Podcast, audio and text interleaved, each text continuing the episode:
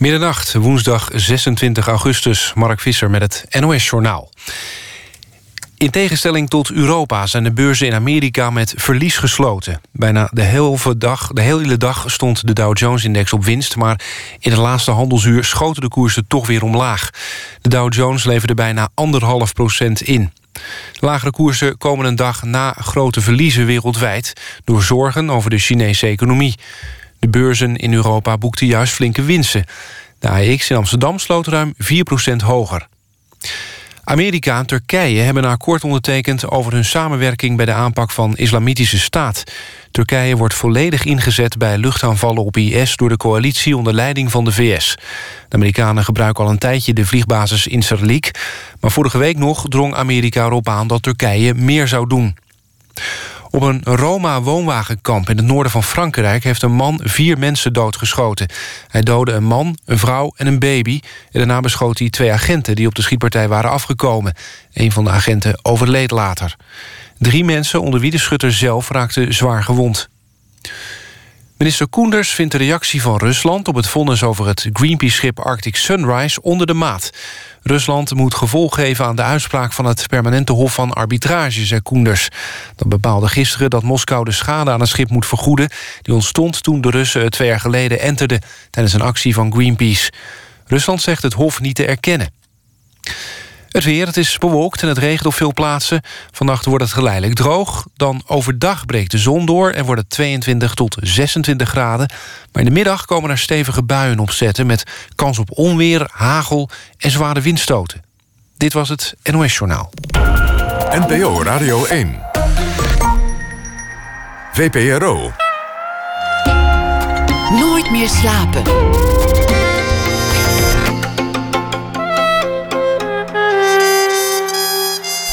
Pieter van der Wielen. Goedenacht en welkom bij Nooit meer slapen. Straks na één uur een gesprek met Robert Wellage... die in zijn boek de hoofdpersonen laat worstelen met de vraag... wel of geen kinderen te krijgen.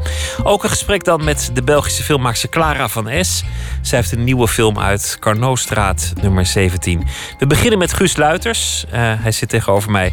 In de Spiegel is de titel van zijn uh, nieuwe dichtbundel...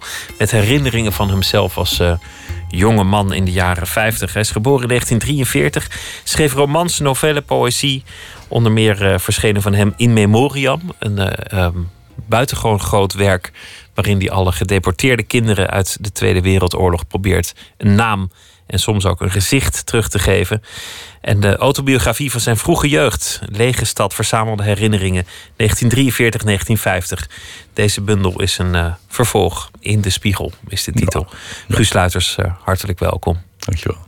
Wat, wat was je voor kind eigenlijk? Ik? Ja, hoe zou je jezelf als kind omschrijven?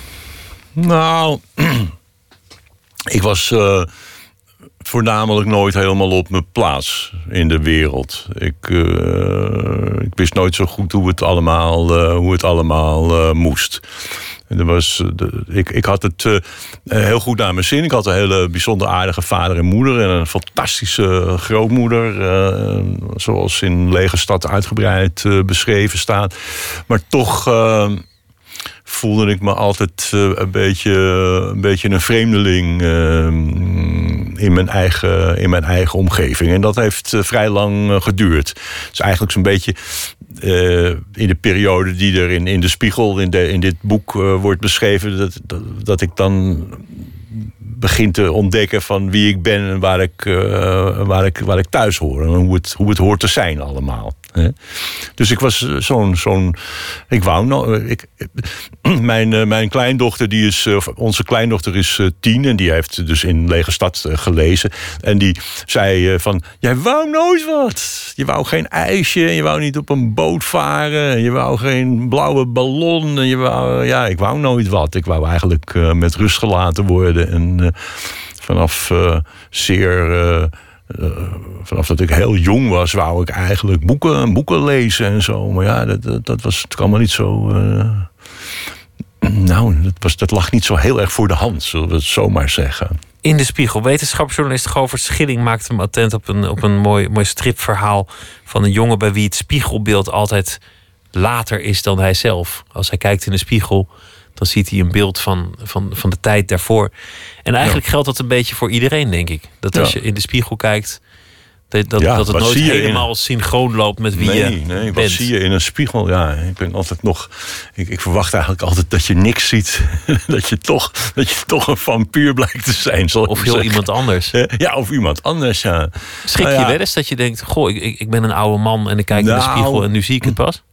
Ik, eh, ik eh, heb wel heel vaak dat ik mezelf niet herken, ja. Dat ik... dat had ik vroeger ook wel trouwens, maar, dan was dat toch meer bijvoorbeeld als je een kater had of iets dergelijks. Maar nu, als ik me dan eh, ga scheren s'morgens, dan, dan denk ik wel eens: hé, hey, joh, ben ik dat? Eh, Wat is er gebeurd? Ja. ja, wat is er gebeurd eh, in de tussentijd? Nou ja, dat is, je, bent, je bent ouder geworden. Maar spiegels zijn er toch wel heel tricky dingen natuurlijk. Hè? Ben jij dat wel in die spiegel? Je bent natuurlijk niet echt. Je weet, eh, een spiegel geeft je een beeld. Maar of dat beeld nou eh, echt heel veel met de werkelijkheid te maken heeft... en zoals anderen je zien, dat is maar zeer eh, de vraag. Ik las een heel leuk, leuk stuk vorige week van... eh, nou, Je las een leuk stuk. ja, Ja, nou ja, een van mijn lievelingsschrijvers in de, in de Volkskrant... die heeft zo'n rubriek van... je ziet het pas als je het begrijpt... of je begrijpt het pas als je het ziet. Nou, en die, en die eh, wees erop dat... eh, die liet een, eh, een, gewone vrouw zien die geschilderd was in de, in de 16e eeuw. En die zei, ja, toen waren er dus bijna nog geen spiegels. En die, de kans dat die vrouw zichzelf voor het eerst zag... was heel groot op dat schilderij. Ja, op een schilderij ben je ook niet echt zelf natuurlijk. Hè? Het is toch nog, een schilderij. minder, nog minder dan een spiegel. Nog minder dan een spiegel, ja. Of een Een foto. spiegel is een heel raar ding. En dan een herinnering, want dat is natuurlijk helemaal gevaarlijk terrein. In je, in je vorige boek beschrijf je dat je eerste jeugdherinnering eh, te maken heeft met bevrijdingsdag. Dat je de Canadezen toezingt. Ja, hier Iets ha, met- Canada, sigaretten, chocola. Hiha, Canada, sigaretten, chocola. Ja, Dat kan natuurlijk helemaal niet. Je bent van 43. Zeer onwaarschijnlijk. Nou, ik heb dat wel gezongen. Maar niet, niet tijdens de bevrijding. Lijkt me niet. Jawel. En dan was je kind van- twee. ah, ja, dan kun je wel zingen. Ach. Tuurlijk. Tuurlijk, tuurlijk. Die- Canada. Wat weet een kind van anderhalf kan een van kind, Canada? Kan een, kind, een klein kind, wel, als hij wat woordjes weet, kun je hem wel leren zingen. Maar dat ik het onthouden heb, dat is natuurlijk larikoek. Dat is geen echte herinnering. Dat is een, een, een, een, een- het verhaal, dat heb ik dat heb ik zo verschrikkelijk vaak gehoord van, van mijn moeder en, en van mijn vader en van mijn oma. Dat ik dan zo mooi zong en dat zij dan repen chocola kregen en eh, dit en dat. Dat ik dat langzaam maar zeker in mijzelf heb opgenomen en dat dat een he- eh, herinnering lijkt. Maar dat is, dat is natuurlijk eh apenkool. Eh, slaat helemaal nergens op. Maar dat geldt natuurlijk voor al je herinneringen. Je leven wordt een verhaal en, en, en een herinnering die verstevigt zich naarmate je hem je, va- je vaker oproept. Je weet natuurlijk eigenlijk niet, zeker met, met jeugdherinneringen, hoe het, hoe het echt zit. Nee, dat- dat is eh, absoluut, eh, absoluut waar. Ehm, daar moeten we mee, leven, maar het is wel eens heel erg hard. Ik heb een, een, een, een, een- ongelofelijke dwingende herinnering aan het eerste concert van Thelonious Monk in, eh, in Amsterdam in het voorjaar van 1961. Dat Monk daar solo eh, optrad en dat hij eh, heel laat kwam pas en dat hij ook maar heel kort speelde, maar dat het geweldig, fantastisch superconcert was. Nou, ik was er met mijn vriend, die heeft geen geheugen, die weet niks. Dus alles wat je hem vraagt, zegt, ja, dat moet je niet aan mij, maar dat weet ik niet meer. Ik wist dat dus allemaal nog tot op de millimeter nauwkeurig. Wat Monk droeg, dit en dat. Nou, en, eh, ik kreeg van Eddie, Eddie Postuma de Boer kreeg ik een foto van dat eerste concert. En daar zie je dus dat Charlie Rouse daar op de saxofoon staat te blazen. Kortom, hij was niet alleen. Hij was helemaal niet alleen, hij was met een, eh, met een trio. Dit is de periode die je, die je ophaalt in je, ja, verschrikkelijk toch? in je bundel, die, die herinneringen aan, aan de jaren 50. Ik, ik wil toch even terug naar, naar hoe het begonnen is met jouw gekoesterde herinneringen aan het papier toevertrouwen. Je, je, je vergeleek het in, in dat vorige boek met ehm, het vangen van vlinders. Of je alle soorten vlinders van de streek waar je was eindelijk te pakken hebt. En zo probeerde je al die jeugdherinneringen Ja. te verzamelen. Daar, Ja. heb ik er nog een, daar heb ik er nog een hele kleine dingen. Een, Ja, een, eh, een lege stad opmerking- is dat, ja. een opmerking van je oma, hoe je moeder je wast, een, een, eh, een gebeurtenis in de dierentuin, iets met, iets met een, een olifant die je zag en, en die je bang maakte, onweer, dat, je, dat je angst aanjoeg. Ja. Hele kleine herinneringen die al met al een beeld oproepen van de sfeer van jouw jeugd. Waarom zijn die herinneringen zo belangrijk? Herinneringen, daar leef je mee.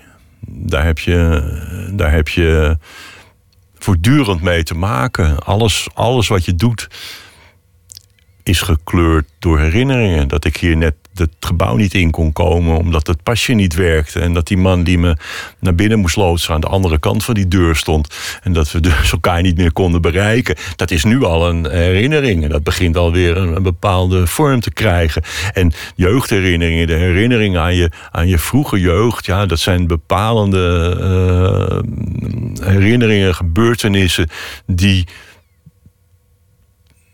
bepalend zijn voor, dat denk je dan in ieder geval, of het zo is, kan je ook niet bewijzen, maar bepalend zijn voor hoe je leven, hoe je leven verloopt. Ik ben, eh, ik ben er altijd heel erg in geïnteresseerd geweest. En, eh, en ik heb dus geprobeerd. Ik heb, ooit had ik het ambitieuze plan opgevat om. eh, of ooit eens had ik het plan opgevat om al mijn herinneringen te boekstaven. Maar dat bleek al snel een, eh, een, een eh, on- absoluut onhaalbare kaart. Want het zijn er natuurlijk zoveel. Dat, ja, dat, dat, zijn is- zo verschrikkelijk veel. Dat, dat past en- niet eens in een supercomputer. Nee, dat gaat helemaal niet. En je bent- Het is ook niet bij te houden natuurlijk. Maar ik heb het ooit wel, ben ik eraan begonnen, maar dat heb ik weggegooid. Maar dat idee van, van verzamelde herinneringen, dat is altijd bij me gebleven. En door dat werken aan in memoriam ben ik dus heb ik met ontzettend veel kinderen te maken gekregen. Hè? En bijna allemaal kinderen al- heel jong. Want anders waren het geen kinderen. En, eh, Want daar komen we straks over te spreken in Memoriam. maar dat heeft ge- getriggerd voor mij om op een gegeven ogenblik te zeggen van ik wil, ik wil ook mijn eigen eh, eerste herinneringen boekstaven. En toen kwam ik dus terug bij dat idee van verzamelde herinneringen, alle herinneringen. Dit zijn, dit zijn alle herinneringen die ik heb aan de eerste zes jaar van mijn leven. En dan gebeurt er dus iets. Dan gaat er een sluis open. En dan is het niet meer bij te houden. als je daar eenmaal aan begint, als je, als je begint met het herroepen van Nee, herinneringen. nee, nee, dit is op. Dus anderhal, in anderhalf jaar is er nog één herinnering bijgekomen. Een hele onnozele herinnering. Maar voor de rest geen nieuwe herinneringen erbij. Maar er, komt een, er is een, een grens ergens. En dan, dan breekt er iets open. En dan weet je zo verschrikkelijk veel... dat dat is niet meer te, te noteren. In, in Memoriam ben je bezig geweest met de, de levens van die kinderen die Ja. gedeporteerd zijn. Ik wil, wil er straks ook nog eh, iets meer over, Ja. over horen. Dus je was al heel erg bezig met de identiteit van kinderen, het leven van kinderen, de biografie van kinderen. Ja. En zo kwam dat project bij jouzelf tot leven. En ging je al die herinneringen verzamelen. Ja. Er zijn in de literatuur meer mensen geweest die hebben geprobeerd om iets met dat, dat wonderlijke fenomeen van de herinnering en het geheugen te doen. Elk op een eigen manier. Toch heb jij volgens mij wel je eigen pad gekozen om, om het bijna encyclopedisch te doen. Om Ja. compleet te willen zijn. Ja, compleet te willen zijn in, in, binnen een bepaalde eh, levensfase. Ik, ik heb uiteraard daarna gezocht. eh, omdat ik niet eh, iemand, op iemand anders een terrein wilde komen. Maar ik heb dat nooit kunnen vinden. Ik heb nog, nog nooit gehoord van iemand anders die geprobeerd heeft om echt bewust over een bepaalde periode al zijn herinneringen op te schrijven. Het is, eh, no- ik dacht dat het nog nooit eerder. En, eh, en wanneer kwalificeer je iets als een herinnering? Wanneer zeg je nu, nu ja, voldoet het? Nou, nu kom je wel op een heel, eh, heel heikel, heikel punt natuurlijk. Ik, ben, ik heb maar, ik denk dat ik me er zelf uitgeluld heb door datgene wat een, als een herinnering te beschouwen, wat ik me als een herinnering herinner. Zoiets.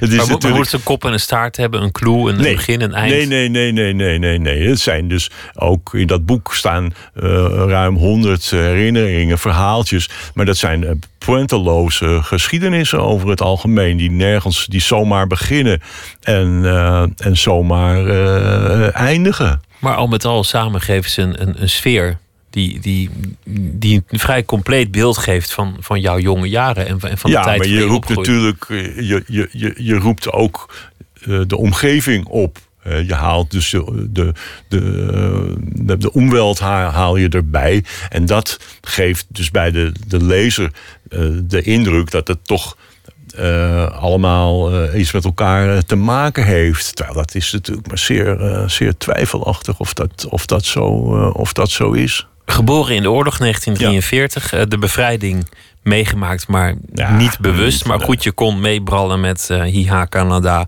Geef me nog wat chocola. Oh, oh prachtig zingen, hè? Sorry. ja, ik, ik heb het niet meegemaakt. Hè. Dan doe je het een beetje zo zo'n mooie ja, stem. Canadees. Geef eens wat chocola. stem.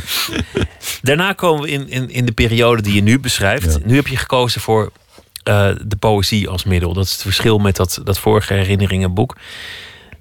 Er is een anekdote over eh, hoe de poëzie ineens jouw leven inkwam. Ja, Wat, wat relatief laat gebeurde. heel laat. Hoe ging dat?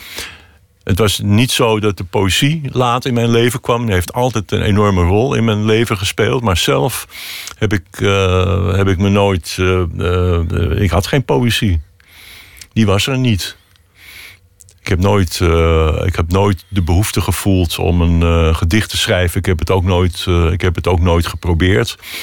En ehm, ik was 48, 49, dat weet ik niet precies. Ik denk 48. En toen was ik op vakantie tegenover mijn lievelingsberg. Had ik een, had ik een huis gehuurd, de Canigou. Toverberg in, in de Pyreneeën. Heilige berg van de Catalanen. Eh, Je kent al die verhalen wel. De prachtige, prachtige, wonderbaarlijke berg. En eh, nou, dan zat ik de hele dag op, eh, op dat terras van dat huis naar die berg te kijken. Maar ook tegelijkertijd natuurlijk lezen en schrijven. Ik ben altijd, ben altijd aan het schrijven. En, eh, en eh, ja, eh, ik, ik, en ik, ik, ik schrijf altijd op wat ik, eh, wat ik meen te horen. Eh, dus ik hou het niet tegen. Ik, ik ben bereid om, om de dingen te noteren die op dat moment eh, eh, bij mijn hoofd, in mijn hoofd binnenkomen. En toen ik da- dat genoteerd had op een middag en daarna keek, dan dacht ik, verrek, het lijkt wel, het lijkt wel een, een versje en het lijkt wel een gedicht. En toen heb ik mijn vrouw daarbij gehaald. En ik zeg, nou, Rut, kijk nou eens, het lijkt wel, het lijkt wel, het lijkt wel poëzie. En eh, nou, zei ze, volgens mij is het, eh, is het inderdaad een versje. En eh, dat heeft toen elf dagen geduurd. Ik heb toen elf, elf gedichten geschreven in, in elf dagen. Ehm, Maar je had waarschijnlijk wel degelijk poëzieonderwijs gehad van, van dit is een sonnet en dit is een jambe Ja, ja. en het moet aan deze regels Ja. voldoen. Ja. Wat, wat vaak, dan zo heeft het bij mij gewerkt, ook je eerder wegstuurt bij de poëzie dan je er naartoe lokt. Omdat het bij mij althans in het onderwijs werd gepresenteerd als een strenge wereld vol regels waar je, waar je rechtop moest lopen. Ja, maar dat is dat. Ik ben natuurlijk. eh, ik ben uit 1943, dus toen ik, toen ik eenmaal goed kon lezen, eh, toen, eh, toen lag, eh, lag atonaal zeg maar voor de deur. Dat is ook in een van die, een van De eerste 50. gedichten. Staat dat, ik, dat, ik, ja, dat ik Loetje Bert ontdek, dat ik, eh, dat ik Triangle in de Jungle en de Amsterdamse school kocht. En dat was voor mij een, een openbaring. dat, was, dat was het echte, het echte eerste contact met, met wat ik, wat ik eh, poëzie eh, dan. eh, kijk, ik ben later. ehm, heb ik geen enkel bezwaar meer tegen vormvaste poëzie. Maar toen ik, toen ik 12 was, toen vond ik dat dus niks.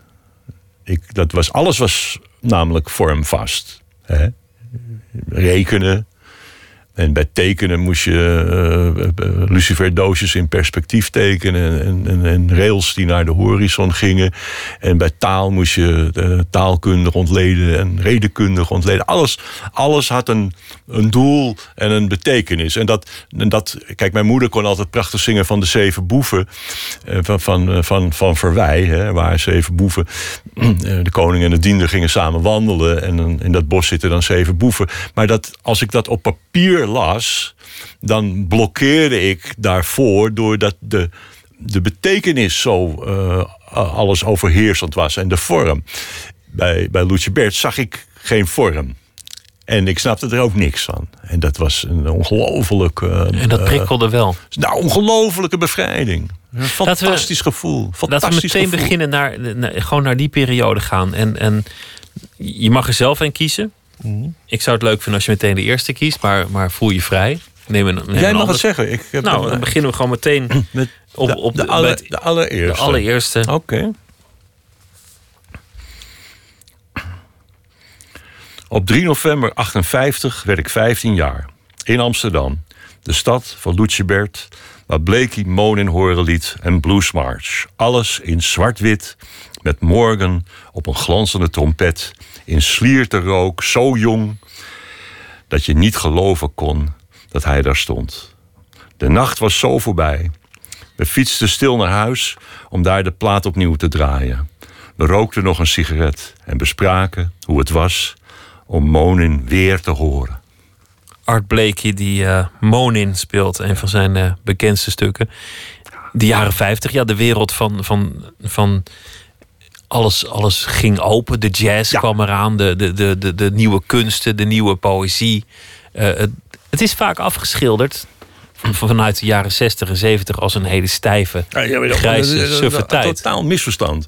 Maar dat is een misverstand. Dat is een misverstand. Er is, er is ergens aan het einde van de, van de jaren 50. Ik kan natuurlijk alleen spreken over het einde van de jaren 50. Daarvoor was ik te jong. eh, viel het buiten mijn waarneming. Maar ik denk dat mensen die ouder zijn dan ik, eh, Kampert of zo, dat die dat, dat, dat, die dat ongetwijfeld zullen bevestigen.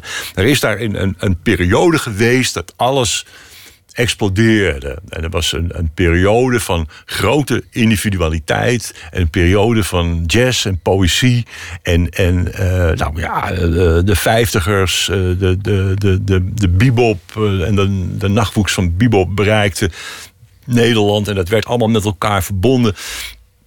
En het was een zeer stimulerende tijd. Met een heel eigen soort licht. En een heel eigen geur. En een eigen ja, eigen stijl. Alles was eigen. En dat is, dat is dus, eh, laten we zeggen dat dat heeft geduurd tot de, de eerste eh, eh, plaatjes van, van de Beatles. En toen was het in, één, in een paar uur tijd, was het in één klap, was het allemaal weg. Was het verdwenen onder het zand. Tot, tot zeg, wat zal zijn, 63, zoiets. 62, 63, ja. En natuurlijk de, de, de welvaartsexplosie die toen ja, plaats had in Ja, maar toen 63. was het, het was, het was, het was het, van de ene dag op de andere trok iedereen dezelfde kleren aan. Iedereen had hetzelfde haar. Iedereen praatte ineens op dezelfde manier van, hé, hey, weet je wel, eh, men, eh, enzovoort. Alles was, eh, ja, gelijk geschakeld. Het was eh, voorbij. De, de, de, de, de grote creativiteit was, eh, was uit de lucht. Eh, Je zag alle, alle grote jazzgiganten optreden. Eh, Miles Davis, John Coltrane, eh, Thelonious Monk, Art Blakey, eh, Sonny Rollins. Charlie Parker zelfs nog. Nee, Nee, die, niet was meer. toen Nee. dood. Ja, nee.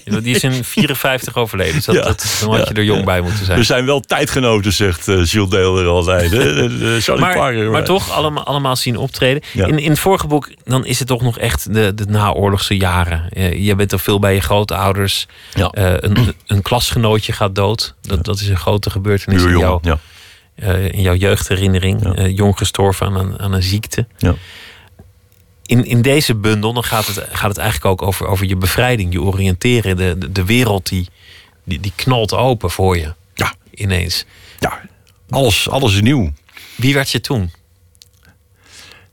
Nou, ja, kijk, je doet, je doet, geweldige, je doet geweldige ontdekkingen. En dat, en dat staat dus ook in, dat, in een van die gedichten. Dat je zit dus in die, in, die, eh, in die wereld waar alles dus uitgesplitst is en alles is begrijpelijk en geordend en geregeld. En toen en kreeg ik een vriend en die heette Wally Tak. Die woonde op de Postjeskade. En dat is degene die mij eh, de, eh, op de jazz eh, heeft gebracht. Die had, die had op de een of andere manier... Had die, ja, die hadden een grammofoon en die hadden de jazzplaten. Heel bijzonder was dat. Ik denk dat zijn vader geïnteresseerd was of zo. Dat weet ik eigenlijk helemaal niet. Maar die liet mij dus ook zien... dat als je nou je overhemd... als je de kraag van je overhemd... Hè, dus ik heb nu van die knoopjes hier, dat gaat niet. Maar als je nou je, de kraag van je overhemd omhoog zet... dan explodeert de wereld dan ontstaat er dus paniek. En dat was echt dat vond ik een ontdekking. Zo ongelooflijk. En dan deed je, dan had je dus een trui met een, met een veehals. En dan deed je dus een trui aan, achterstevoren. En dan die andere trui eroverheen met die veehals. Dan had je twee kleuren trui. Blinde woede en razernij ontstond daardoor. Hè. De enorme opwinding. Alles was ontregeld in de war. Dat was eigenlijk punk avant la lettre. Nou ja, eh, heel voorzichtig soort. Maar de, de, de reacties waren eh, misschien wel heftiger eh, dan, eh, dan, dan, op, dan op de punk, zoals ik me herinner. Want, dat, want wij, toen die punk kwam, waren we allemaal van die verlichte zestigers... die alles, oh, is oké, weet je wel, moet, moet kunnen, hè, dat. En dat was dus in, dat was in 1957 echt niet zo. En dat was, dat was, dat was fantastisch, dat was zo zo bevrijdend. Dat je dus door. en waar bevrijdde je je van? van al die duidelijkheid. De duidelijkheid van, van, van de naoorlogse periode. Alles, ja, alles was, alles was, alles was duidelijk. Alles was uitgelegd wat ik net zei. Uh,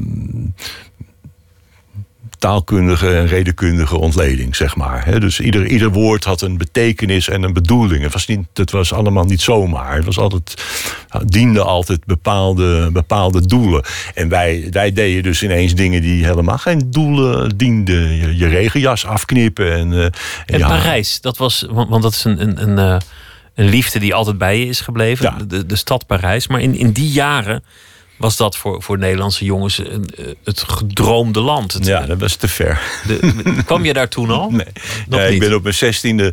Ik ben op mijn zestiende ben ik wel uh, alleen in Parijs geweest, maar misschien een dag of zo. En, uh, op doorreis naar, uh, naar vrienden en terug. Maar dat was geen, dat was geen optie. Dat, je, je, ik, wij waren toch wel ook wel weer zulke nette jongens dat we een dak boven ons hoofd uh, wilden. Dus je ging bij iemand logeren. Hè?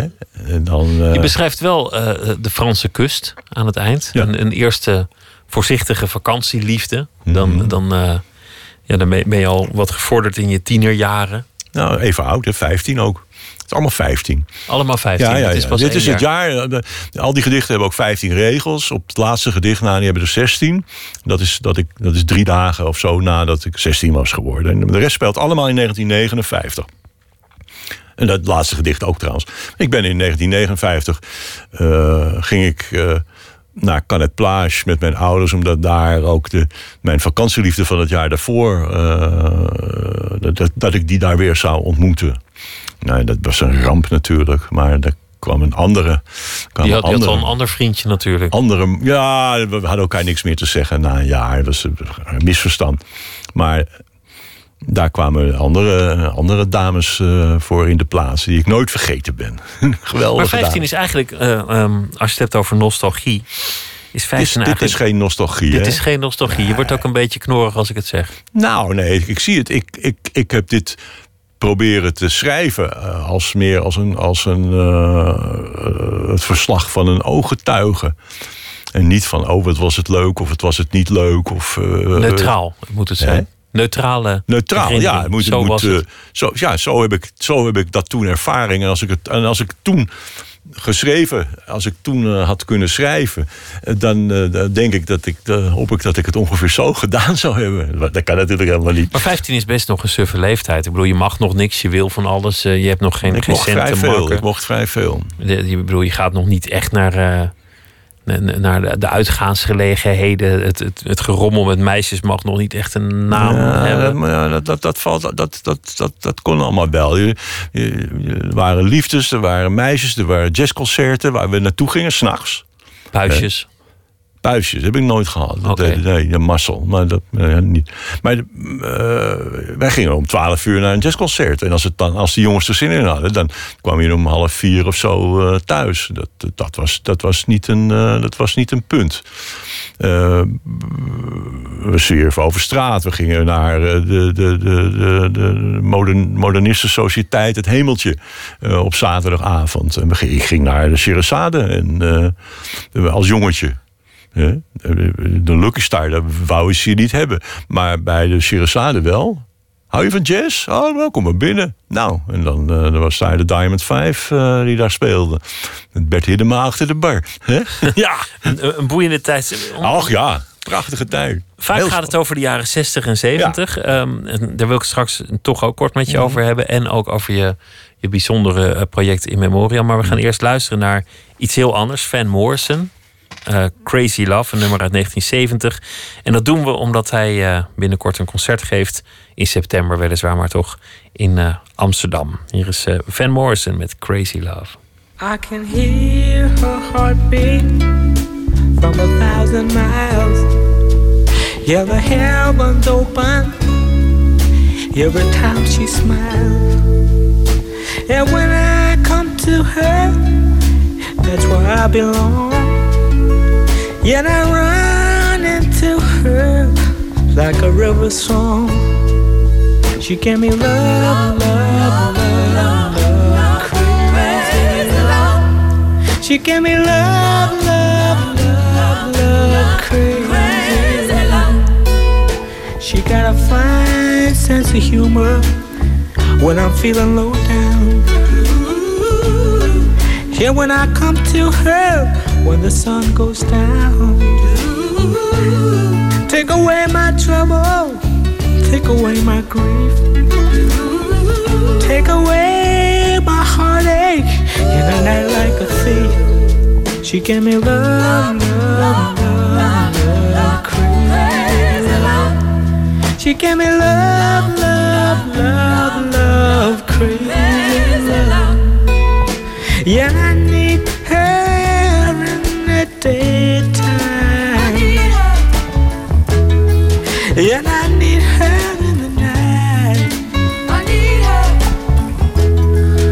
and I wanna throw my arms around her. I need her.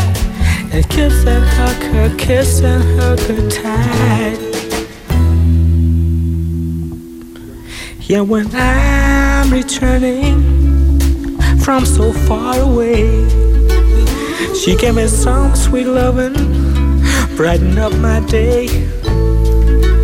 Yeah, and it make me righteous, yeah, it make me whole. Yeah, it make me mellow down into my soul. She gave me love, love, love, love, crazy love. She gave me love, love, love, love, crazy love. She gave me love, love, love, love, crazy love. She gave me love, love, love, love, crazy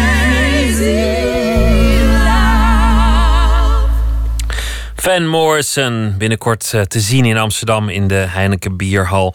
En tegenover mij zit eh, Guus Luiters. We, we praten naar aanleiding van eh, de laatste dichtbundel in de Spiegel... met herinneringen van hemzelf als 15-jarige. Lang leven het internet. Je kunt ook zeg maar de rams afstruinen, maar dan digitaal. K- Kreeg ik onder meer dit tevoorschijn. Een, een boek van jezelf. Ja. Kijk hier op de achterflap. Leren jackie. En een, lang haar, lange bos Hoop krullen. Ja. En een, eh, nou ja, je, je kijkt toch een beetje stuurs de wereld in. Van eh, kom maar op, Ja.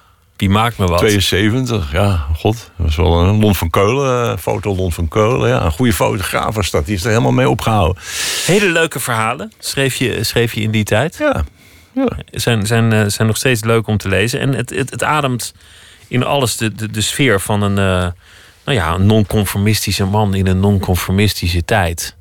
Die, eh, die er ook Ja, geen toen speelden er weer allerlei andere dingen mee natuurlijk. Dat was in 72 toen ik debuteerde. Toen had je dus die enorme stroming van wat wij dan de nieuwe wartaal noemden. Dus het, de, de, de, de metataal. En, de, en dat, vond ik, dat vonden wij vreselijk. Of ik vond dat vreselijk. En, en nog een aantal mensen vonden dat vreselijk. Dat was ook vreselijk. ja, dat, was ook, ja, dat mogen we nu wel zeggen, hè, geloof toch? ik. Ja, het was geen Loetje Bert, hè, het was heel iets anders. Het was een Wartaal soort- was ja, wartaal. En dat, en dat proza is daar dus, dus wel... Dat zet zich daar dus duidelijk tegen af, hè, door, door helder en eh, eh, eenvoudig te, te willen zijn. En ook eh, normale mensen dingen te, te behandelen. En het is dus het is wel interessant, want dat verhaal over dat buurjongetje... In je, jeugdherinneringen. Ja, wat jij aanhaalde uit lege stad. Dat, dat buurjongetje wat doodgaat. Dat wordt dus in, in, eh, in, eh, in, in mijn debuutbundel, eh Circus Melancholia... wordt dat dus als een fictieverhaal eh, verteld. Met... eh, met, ja, dus anders, maar eh het is wel precies hetzelfde verhaal. Het zijn dus toch wel dingen die mij een heel leven lang eh, bezig, eh, bezig zijn blijven houden. In die verhalen in Lege Stad over jezelf als, eh, als jongetje. Iets minder in, in de spiegel, maar toch bij vlagen wel. En ook in eh, het boek van die stuurse jonge man zi- zit er vaak toch een zekere mate van vrees. Dat speelt toch vaak mee in die verhalen. En, daar, en daaronder ligt toch die gedachte aan de dood. Ja. Zelfs als kind, dan, dan eh, je vader speelt een spelletje, ligt stil op de Ja. vloer. Het jongetje denkt, Hij is dood. hij is dood, ik moet Ja. mama roepen. Mama die lacht een beetje. Het jongetje begrijpt het niet. Ergens dat, dat je zegt, Ja. ik besloot niet dood te gaan. Terwijl het natuurlijk helemaal niet aan de orde was. Ja, ik, hij zegt nu hetzelfde wat eh Nicolas Matsier zaterdag eh jongsleden tegen mij zei. Van ja, een beetje bang, een beetje bang. Ik was, eh, ik was wel bang voor, ehm, mm, voor, al die, voor al die dingen die je geacht werd te doen. Hè? Dus een, een zeilboot besturen. Hè? En, eh, en achter, eh, nou dat is dan nog niet op mijn zesde, maar op mijn tiende. Dan, dan eh, leren autorijden en dat soort dingen. En dat vond ik, heel, ik vond het vervelend, maar ik vond, het ook wel, ik vond dat ook wel eng. Om vooruit te moeten, Ja, die wereld in. ja. En al heel vroeg dat besef van die sterfelijkheid, van, van, Ja, van die dat eindigheid. Dat, dat, dat, dat, komt door buurjongetje? Of heb je dat Nou, gewoon ik- aangegrepen omdat ik- het, dat het er al zat? ik, ik denk dat dat er zat. Ik denk dat. eh, ik heb achteraf reconstrueer je dingen en dan denk je wel van. Je moet natuurlijk nooit vergeten dat je bent er weliswaar niet bewust bij, maar toen ik, toen ik ge- geboren werd, toen was er dus een gigantische moordpartij aan de gang in, eh, in Amsterdam. In heel Europa. In heel Europa, maar goed, ik, hoe, hoe ver reikt... eh, Rijkt je horizon, ja. hoe ver reikt de horizon? Ik lag in een bedje in Amsterdam en, eh, en daar, daar werden dus in, eh, in, in zeer korte tijd... eh, werden er honderdduizend mensen de, de, dood, de dood ingejaagd. En ik, ik heb dus... Modiano zegt dat ook. Dat de- de- ook de dingen waar je niet helemaal, waar je niet echt bewust van bent, dat die toch wel een invloed op je, op je kunnen hebben. Want je, want je hebt die lege plekken gezien in de stad. Je hebt Ja. die lege huizen gezien. Of Ja. je hebt de, de, heeft enorm, de dat heeft een, herinneringen gezien. dat heeft een, dat heeft een, een waanzinnige eh, indruk op mij gemaakt. Eh, Wat ik, het was iets wat ik niet, eh, ik kon het niet plaatsen, ik kon het niet begrijpen. Ik, ik zag dus de, die, die gesloopte eh, stad, die totaal onttakelde gedeelte van, van de stad, waar geen mensen woonden ook en waar het doodstil was. En ik kreeg geen antwoord op de vraag: waar is iedereen? Het, het antwoord was weg. Dat is wel een adequaat antwoord natuurlijk, maar was niet zo bevredigend voor een kind. Dus ik denk dat die. eh, kijk, ik heb in 1980 of daaromtrent heb ik eens een, een keer aan de rand van een enorm massagraf gestaan. Waar honderden mensen in lagen. En dan was er een paar meter verderop. was er ook nog weer een massagraf. En dat was dan al dichtgegooid. En daarnaast nog één. Waar was En dat? was in, aan de grens van Cambodja en eh, Thailand. En dat is iets dat gaat nooit meer eh, uit je weg. Dat blijft in je, in jouw, eh, eh, in je, in je, in je, lichaam leeft dat voort. Dus ik kan me dus voorstellen dat die, die enorme slagpartij, die, die, die, die, die, die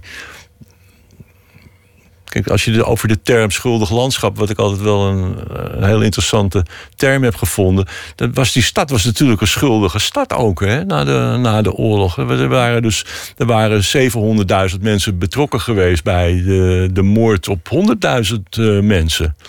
Dus eh, die, die lijkenlucht, om het nou maar eens even heel grof te zeggen, eh, denkend aan die, ma- aan die massagraven in, eh, in Thailand, die voor mij eh, zeer met de lijkenlucht zijn verbonden. Die lijkenlucht die, die, die zal toch ergens geweest zijn, Die heb jij gevoeld, die heb jij ervaren. dat denk ik. Ik wilde Dat ehm, ik. een fragment laten horen. Je noemde eerder de fotograaf Eddie Postuma de Boer. Die, is, die is iets ouder dan jijzelf. Die heeft het dus iets bewuster meegemaakt. En, en eh, het is uit een documentaire van Willy Lindwer. En hij vertelt iets dat, dat te maken heeft met het lot van de kinderen Ja. in, in de oorlog. Want dat is, dat, is, dat is eigenlijk een apart hoofdstuk. In maart 43 begonnen de grote razzia's hier in de buurt. Heel Amsterdam-Zuid werd uitgekampt op Joodse mensen. En eh, op een zondagochtend was dat.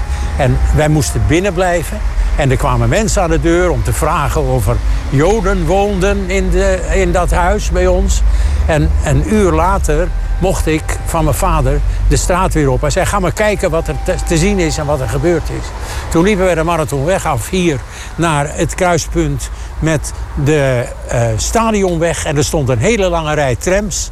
En in die trams stonden, we stonden aan de andere kant van het instappen. Maar toen zag ik die twee eh, klasgenootjes van mij zitten. Harold en Paul. En toen hebben we naar ze gezwaaid. En dat, eh, ja, dat was een dramatisch moment. Wat, wat eigenlijk nu dramatischer in mijn ziel zit dan ik het toen meemaakte. Maar het gekke was, ze hebben een enkele reis Olympiaplein met lijn 24 naar Sobibor gemaakt. Ze zijn nooit teruggekomen. En die trams werden bestuurd door echte Amsterdamse trambestuurders. Ja. Ja, kinderen, je Eddie heeft het goed klasgenootjes, verteld, ja. Je klasgenootjes in de tram zien zitten. Ja. Zien hoe die, eh, hoe, ja, hoe, die, hoe die weggevoerd worden. Ja. Op een zeker ogenblik is dat, is dat project langzaamaan jouw kant op gekomen. Je, je was geïnteresseerd in herinneringen. Ja. Eh, je was geïnteresseerd eh, om, omdat je opa werd volgens mij in kinderen. Ik weet niet of dat in die tijd al, al speelde. Wel- In welk, welk jaar ben je opa geworden? In, Oh, ja, in die tijd. Dus in de jaren negentig eh, ongeveer. Nee, nee, nee, nee, nee, nee, nee. In, in, in, eh, in, de, in, de, in de 21ste eeuw. Maar wel in die, vlak voordat ik eigenlijk aan dat, aan dat boek, eh, aan, aan In Memoriam ben begonnen. Dat heeft er wel iets mee te maken, ja, zeker. Oh, ik dacht dat het onderzoek wel zelfs iets eerder was, oh nee, was nee, ik ben ongeveer 2006 ben ik... In heb ik 19, het- eh, 1995 is een soortgelijk boek verschenen in Frankrijk. Ja. Daar heeft iemand alle, alle Franse gedeporteerde kinderen van een, een naam en waar mogelijk een verhaal en een, foto eh, voorzien. Jij dacht toen, nou dat zal iemand vanzelf in Nederland ook wel gaan doen, maar dat, dat gebeurde eigenlijk maar niet. Nee, ik heb dat rust, rustig afgewacht. Ik ben geen historicus en ik ben niet. eh, ik, ik ben duidelijk niet de aangewezen persoon om dat, eh, om dat te doen. Ik had hele, hele andere dingen eh, was ik mee bezig. Maar het, het speelde altijd wel door mijn gedachten. Is dat boek er al? Is dat boek er al? En dan, eh, dan eh, nou ja, was het dus niet. En in 2006, toen heb ik de knoop eh, doorgehakt. En gezegd van, nou ja, als niemand dat wil doen, dan, dan doe ik het. En ik, ik, ik had het wel goed getaxeerd. Ik dacht, ik ben nu nog gezond. Dat was ik ook op dat moment. En eh, ik kan het me financieel permitteren om het, eh, om het te doen. Dus eh, aan de slag als mijn uitgever eh, dat wil doen. En die, eh, die, wou dat, die wou dat doen. En die heeft dat risico gewoon... Ja, die heeft gezegd, nou, doe het maar. En toen ben ik dus aan, de, aan de gang gegaan. En dat, 18.000 eh, 18.000 kinderen, kinderen ja. zijn weggevoerd. Ja. Nou, vermoord, hè? Vermoord. Vermoord. Ja. Ja. ja. 19.000 weg, weggevoerd. en 18.000 vermoord, ja. Voor de nazi's maakt het natuurlijk allemaal niet uit. Ik bedoel, die hadden gewoon besloten, de, de, de Joden en, en nog wat andere groepen, eh Sinti, maar, maar ook eh asocialen een paar. En eh, bepaalde groepen gehandicapten bijvoorbeeld, die moesten allemaal worden, worden weggevoerd. Kinderen of volwassenen, dat maakte voor de nazi's niet veel uit. Alleen de kinderen waren ze meer tot last, dus die werden als eerste vermoord. Want die konden niet werken. En die, die hadden de gewoonte te krijsen, lastig te zijn. Lastig, ja. Dus die werden als eerste eh, vermoord. Het, het moet een, verschrikkelijk karwei zijn geweest om al die 18.000 kinderen.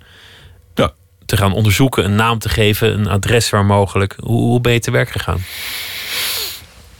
Nou, ik heb daar heel, heel erg lang over nagedacht. En uiteindelijk eh, heb ik daar dus een eh, systematische aanpak eh, voor gekozen. Wat, wat is niet zo heel erg interessant, maar wel gewoon heel erg veel werk. En ik ben daar heel erg lang mee bezig geweest. Iedere dag, eh, dagen van. Hè, dus ik zei net van ik was nog gezond. En dat was ook zo. Was ook echt wel nodig. Want ik heb eh, dus maanden achter elkaar dagen van 8, 9 uur eh, gedraaid. Om, eh, om al, die, eh, al die kinderen te administreren. Om dat allemaal bij elkaar te, te zetten. En dat was een, eh, een verschrikkelijk karwei. Waarin je regelmatig natuurlijk op, op afschuwelijke dingen stuitte. Maar ik moet eerlijk zeggen dat het pas echt dramatisch werd toen die foto's eh, eh, begonnen te komen. Want dan eh, op het moment dat je, dat je een, een, een naam. Naam is natuurlijk ongelooflijk belangrijk en heel bepalend voor een identiteit. En het, het is, het is het, van alles is het. Je kunt er ook meteen van alles over zeggen en er om, omheen zeggen. Maar op het moment dat er ook nog een gezicht bij komt, dan, dan krijgt het een, eh, een lading die eh, bijna niet, eh, of in ieder geval heel moeilijk te verwerken is. Ik heb. Want het wordt, het wordt een levend iemand. Eigenlijk wat er met Anne Frank is gebeurd op wereldschaal. Anne Frank is bijna ook een, een, een eh, ja, entertainmentfiguur geworden. Er, er is een musical ja, Anne Frank is natuurlijk verschrikkelijk vertroebeld. Je kunt, dat, daar, kun je bijna geen, daar heb je bijna geen zicht meer op. Kijk, Anne Frank is een van de redenen dat dit boek er moest komen. Want door het enorme licht wat Anne Frank uitstraalt... waren al die andere kinderen eh, in de schaduwen, eh, in de nevelen... eh, aan het verdwijnen. Dat kan Ja. Anne Frank niet helpen. Nee, uiteraard niet. Maar het was wel aan het gebeuren. Er is iets merkwaardigs gebeurd met het fenomeen Anne Frank. Dat, is, dat is wereldwijd zo groot geworden. En, maar daardoor heeft Anne Frank wel een gezicht gegeven aan al die kinderen. Ja, maar, maar ook het gezicht op al die kinderen belemmerd. Want, want, wa- want we hebben Anne Frank al. Als je, als je kijkt, als je, als je, als je, je kunt nu niet meer kijken met die ogen, maar als je kijkt van voor 2012, dan, dan was er dus geen kind eh, te vinden. Eh, nergens. Ja, in kleine boekjes over oude Pekela of zo staan dan, staat dan een foto van de slager met zijn twee dochtertjes, weet je wel. Maar dat is, je kon nergens kon je echt eh, de kinderen eh, op de grote schaal zoals het gebeurde. Dus die waren allemaal, die waren allemaal onzichtbaar. Die waren Dat er was ook- gewoon niet. dat was ook precies de bedoeling van de nazi's. Die kinderen moesten Ja. niet alleen vermoord worden, Ja. ze moesten ook vergeten worden. Vergeten worden. Ze moesten ver, verdonkere maand worden, verdoezeld. Is dat, is dat jouw strijd geweest om dat ongedaan Dat, te maken? dat, dat, dat, dat, dat, dat is eh, zeker precies eh, waar, het, eh, waar het om ging. Dat, dat heeft mij vanaf het moment dat ik besefte dat het gebeurd was in Amsterdam, eh, heeft me dat altijd dwars gezeten. Dat die kinderen in het niks eh, aan, het, eh, aan het verdwijnen waren. Volwassenen die waren ook aan het verdwijnen, maar volwassenen hebben wel geleefd. Dat is een heel verschil. En kinderen hebben dus, die hebben niet geleefd. Die, die, zijn, die zijn, voordat ze de kans kregen om te leven, zijn ze uit het, uit het leven verdwenen. Zijn ze, wegge, zijn ze weggepoetst. Eh, En, en, dat, en dat heeft mij altijd zeer dwars gezeten. Dat, en ik wou daar, eh, ik, wist, ik wist niet wat ik eraan doen moest. En, maar door Serge Klaarsveld in Frankrijk wist ik ineens wat er, wat er gebeuren moest. Want dat ik ook degene die dat Franse boek had gemaakt. Ook een, Klaarsveld, ja. een, een, Maar het is- beroemde het- het- natiejager. Ja, maar het heeft dus twee aspecten. Het heeft te maken met, het, het heeft te maken met Anne Frank. Want je, je ziet gewoon in andere landen waar dus niet een Anne Frank is, dat daar voor die kinderen veel meer aandacht altijd al was dan in Nederland. En dat, dat is zo begrijpelijk ook. Er is zo'n krachtig symbool wat al die kinderen in zich zou verenigen. Maar dat is helemaal niet zo. Want er zijn heel veel verschillende verhalen, eh, verschillende kampen, routes. Ieder verhaal is anders. En Het, het merkwaardige aan die foto's is dat, dat het onschuldige, leuke kiekjes zijn. En dan soms dan staat er op een van die kiekjes een, een, een jodenster bijvoorbeeld. ja, Of, of je ziet op een andere manier aan de omgeving dat er iets niet klopt. Maar, maar toch schrikt dat nergens echt af. Het, het, het blijven vaak toch hele liefelijke plaatjes. ja. Zelfs met zo'n jodenster. Het zijn kinderen. Verder is het ook een beetje een telefoonboek. Ja, je kunt alleen niet opbellen, hè, zeggen we dan erachteraan. Kunt dat is het, opbellen. Op alfabetische volgorde per transport. Nee, een nee, lange nee, het is lijst. niet op alfabetische volgorde. Dat is een van mijn, eh, eigenlijk het grootste strijdpunt van dit boek geweest.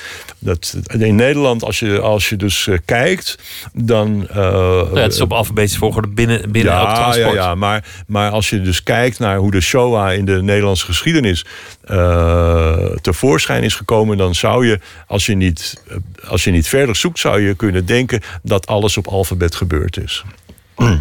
En dat is een, in mijn ogen een ondraaglijke eh, verdraaiing van Want de zo is het niet gegaan, natuurlijk. Nee, het is per transport gegaan. En ik heb in dit boek dus ook alles per transport eh, geordend. En op de tentoonstelling eh, waren de foto's ook per transport geordend. Maar dat heeft allemaal veel voeten in aarde natuurlijk. Want daar wil men niet zo, zomaar aan.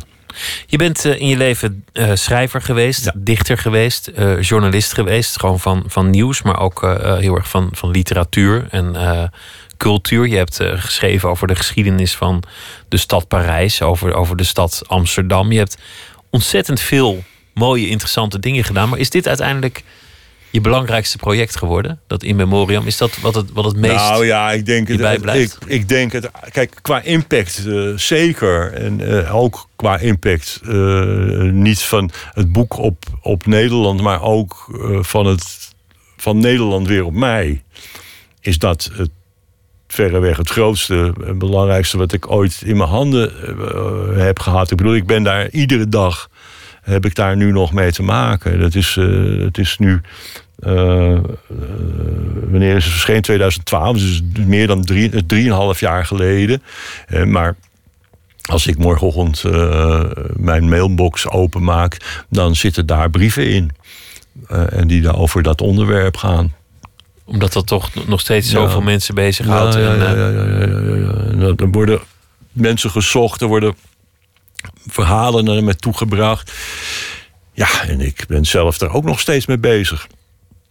Ik, ben, ik heb een kinderkroniek gemaakt eh, na In Memoriam. Waar, eh, dus, eh, in dit boek, in, in, Memoriam, daar is, daar wordt dus niet gesproken. Hè? Het is alleen maar een, het is een telefoonboek, zoals jij zegt, een lijst. En ik heb daarna dus een boek gemaakt waarin ik kinderen dus ook aan het woord laat. De kinderkroniek. En ik ben nu bezig met een reusachtige website voor, voor het Rode Kruis. Waar alles wat we hebben over de transporten vanuit Nederland verzameld wordt en toegankelijk wordt, eh, wordt gemaakt. Dus ik, ik, heb het, ik heb het over mezelf afgeroepen. Het gaat nooit meer weg. Ik zal eh, tot mijn dood daarmee te maken houden. Maar dat is ook wel goed. Ik bedoel, dat, eh, maar je bent eraan begonnen, dan, dan moet je er ook mee verder. ja, precies. Dat, dat is geen twijfel over. Ik heb ook nooit, als ik, als ik zie dat er, dat er een vraag is morgenochtend, dan denk ik niet, oh, wat een gezeur. Ja, dat andere project vind ik ook wel interessant. Je hebt nu 15, al je herinneringen. Ik zou ook wel de herinneringen van 20, 25, Ja. 30 enzovoort. Nou ja, ik heb nog wel wat. eh, ik heb wat dat betreft nog wel wat, eh, wat, wat plannen. Ik wil dus. Ik zou toch ook nog wel over die periode.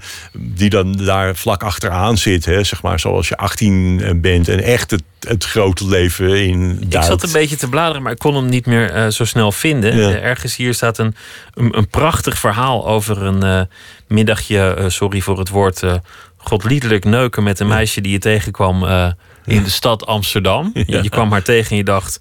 Goh, nou, ik, dit moet. En, en waar Rempel het lukte ook nog. Ja. En een keer daarna ook. En steeds als het voetbal was. Steeds tijdens het voetballen. Nee, dat staat niet in dit boek. Dat staat, het staat in dat in, ja, in, in eh, ja, ja, ja, dat voetbalverhaal. boek, Ja, ja. ja, ja, ja. Ja, hier staat hij. Ja, staat, eh, ja, dat is een beetje, een beetje een grappig verhaal natuurlijk. eh, nou, ik, ik, ik moest er man die, ontzettend eh, hard om lachen. Ja, nou ja, dat heb je met grappige verhalen. Dat is de bedoeling.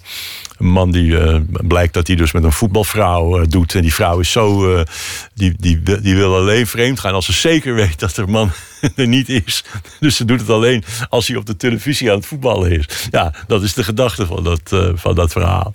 Ja, dan zegt ze, we kunnen elkaar niet meer zien, denk ik. En die, die jongen die heeft er geen genoeg van. Die zegt, maar de finale is toch ook een uitwedstrijd, probeerde ik nog. Ze knikte, maar, zei ze, alle spelersvrouwen worden geacht op de tribune te zitten. Ja, ja dat, is de, dat is de pointe van het verhaal. Ja, ja. Prachtig, eh, Ja. prachtig verhaal. Maar ik zou over die periode wil ik nog wel eens een, eh, ook, ook een, eh,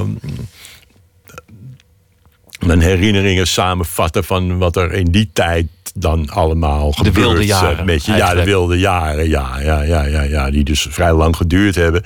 Want wij werkten natuurlijk niet in die tijd. hè. Het was eh, een luie, een luie tijd was dat. Jullie dienden om de terrassen te bevolken. Ja, zo kun je het wel zeggen, ja. Eh, een beetje door de, door de, stad, door de stad eh, lorren en eh, eh, sle- slecht bezig zijn. Dat was, dat was waar, we, waar we mee bezig waren. En nooit, nooit, nooit werken of nee, ouwe hoeren en, en muziek luisteren en zo.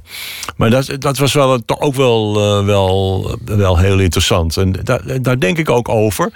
Maar ik ben op dit moment ben ik, eh, ik, ik ga binnenkort een dagelijkse rubriek schrijven in het, eh, in het Parool over Amsterdam. Over niet, niet dus een uitgaansrubriek of, of, niet over feestjes of, eh, of over eh, ehm, literaire bijeenkomsten, wat dan ook. Maar over het, het, het Amsterdam in al zijn geledingen, zoals ik dat vanaf mijn, ja, eigenlijk in, mijn, in de loop van mijn leven heb ervaren. Maar dus ook. Maar je, je zei net, noemde je het al, eh, schuldig landschap. Ja. Maar dat zijn dan ook de, de, de verlaten panden van de stad. ja.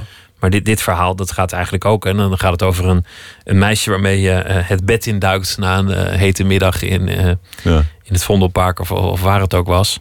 Maar dat gaat eigenlijk ook over een adres. Dat is een adres waar jij voortaan altijd langskomt met een grijns op je gezicht. Ja, tuurlijk. Ja. 50 En jaar veel later. van dat soort adressen zijn er in de stad. Ja, zo gaat dat op een gegeven Ja, moment. en nu, nu fiets ik weer door de stad. Zo met zo'n blik van.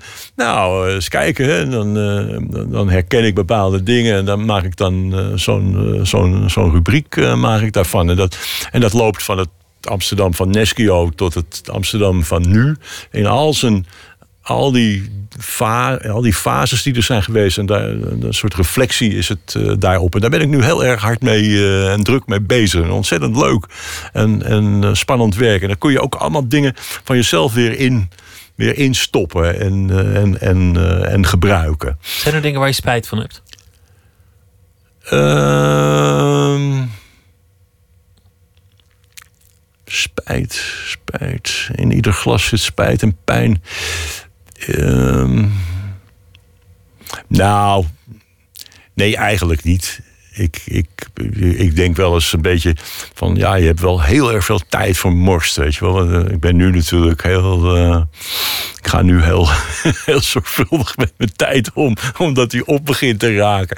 Maar aan de andere kant... Dat was zo leuk ook om eh, al die tijd eh, gewoon door je handen te laten glijden. Dat ik me daar ook achteraf eh, geen, eh, geen zorgen meer over maak. Ik heb, eh, ik heb, ik heb wel. ik heb het laatste deel van haar leven heb ik ernstige aanvaringen met mijn moeder gekregen. En dat, dat vond ik wel heel. Ik was heel goed met mijn moeder. En eigenlijk toen ze zo aan het doodgaan was. Toen konden, we, toen konden we niks meer met elkaar. En dat, was, dat vond ik wel heel erg. Maar dat gevoel is. Dat ontevreden stemmende gevoel daarover is bij het schrijven van Lege Stad eigenlijk weer.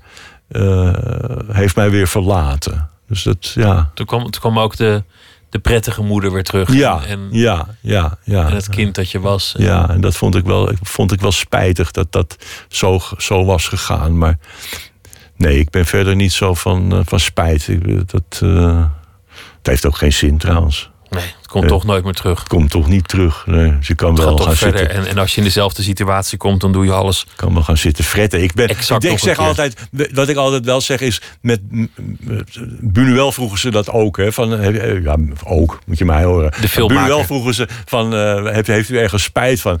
Eh, nee, nee, nee, ja, vrouwen genoeg, perfect allemaal. Ja, veel, veel gerookt, ook goed. Niet genoeg gedronken. Ik had meer moeten drinken, zei hij. Daar kan ik me wel een beetje in vinden. Nou ja, er is nog tijd. Dankjewel, Guus Luiters. En eh, ik noem nog even de, de titel van het eh, boek. In de Spiegel heet eh, de bundel. Over Ja. de herinneringen van een 15-jarige. Dankjewel. En heel veel succes met eh, ook de rubriek die je gaat maken Ja, voor Parool. En eh, dankjewel, de volgende dankjewel. dingen. Zometeen gaan we verder met eh, Nooit meer slapen. Met veel andere onderwerpen. Via Twitter, at VPRO NMS. Of via de mail nooit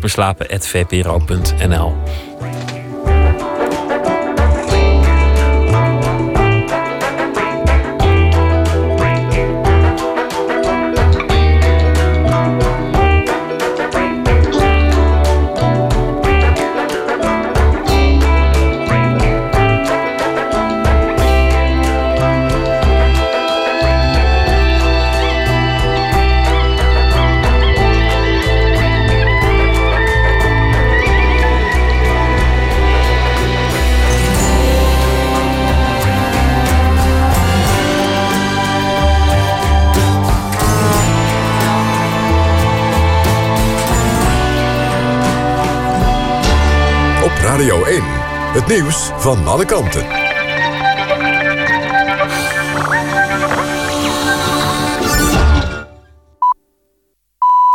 1 uur, Mark Visser met het NOS-journaal.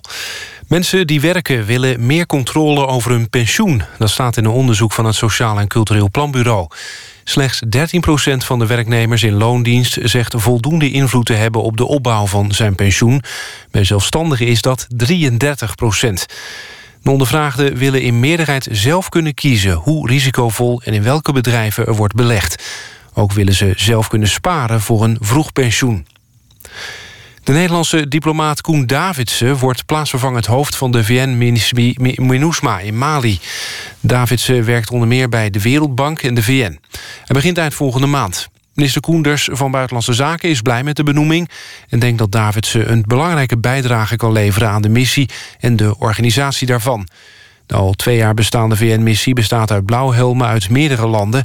Ze helpen de Malinese regering bij het bestrijden van rebellengroepen. In tegenstelling tot de Europese beurzen zijn de koersen in de VS met verlies gesloten. Ze stonden de hele dag op winst, maar in het laatste handelsuur schoten ze toch weer omlaag. De Dow Jones-index sloot 1,3% in de min en de Nasdaq 0,4% De verliezen zijn kleiner dan gisteren, toen wereldwijd verliezen van een paar procent werden genoteerd. In Europa hield het optimisme wel aan tot het eind van de handelsdag. De AX in Amsterdam sloot 4,1% hoger...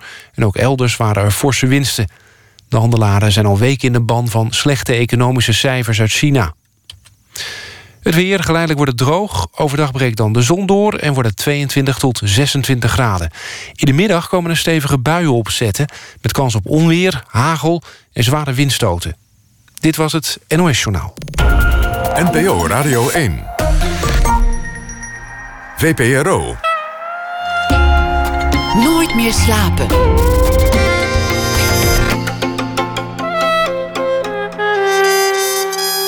Met Pieter van der Wielen.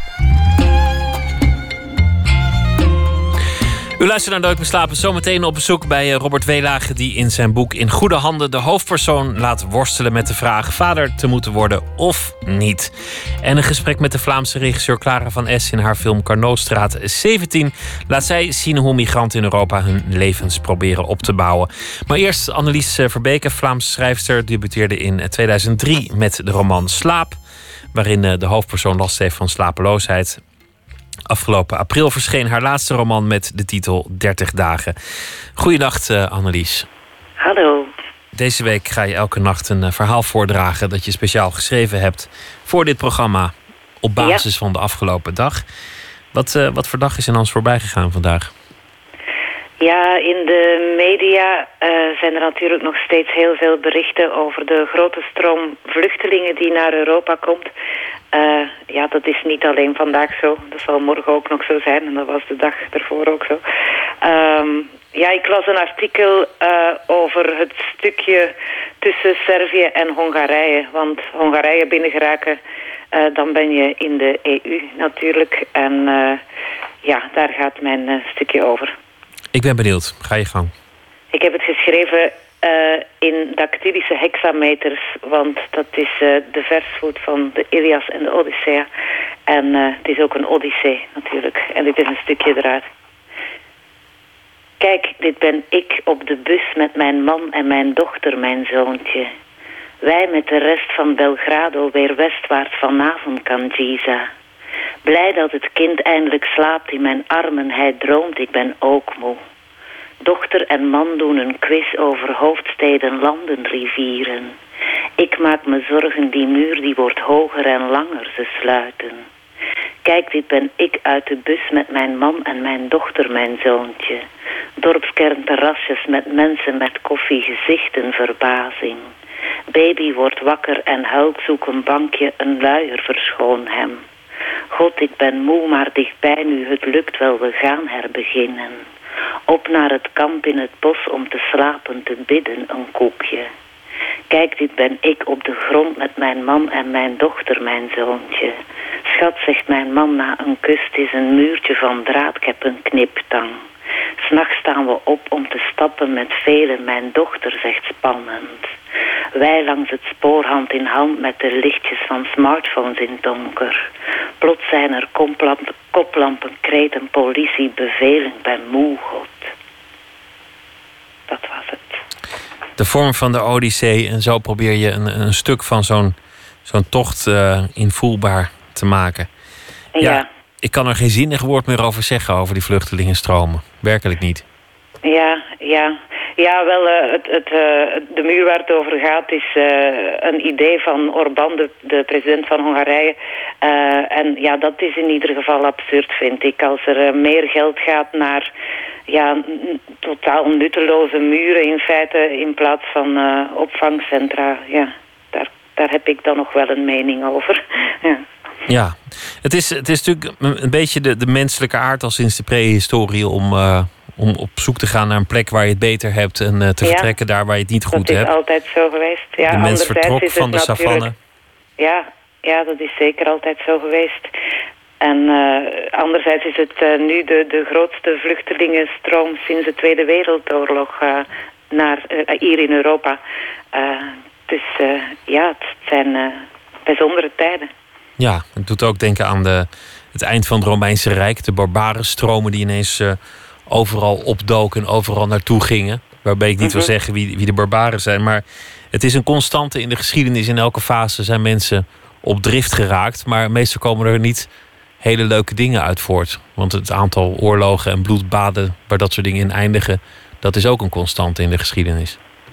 Ja, Helaas. aan de andere kant, ja, eh, migratie heeft ook zijn voordelen natuurlijk. Er, er is altijd ook mig- migratie nodig eh, geweest de laatste jaren in Europa. Maar het is eh, zeker niet ja, een eenduidig verhaal. En het is, het zal moeilijk worden nog, denk ik. Ook voor, voor de mensen zelf in de eerste plaats.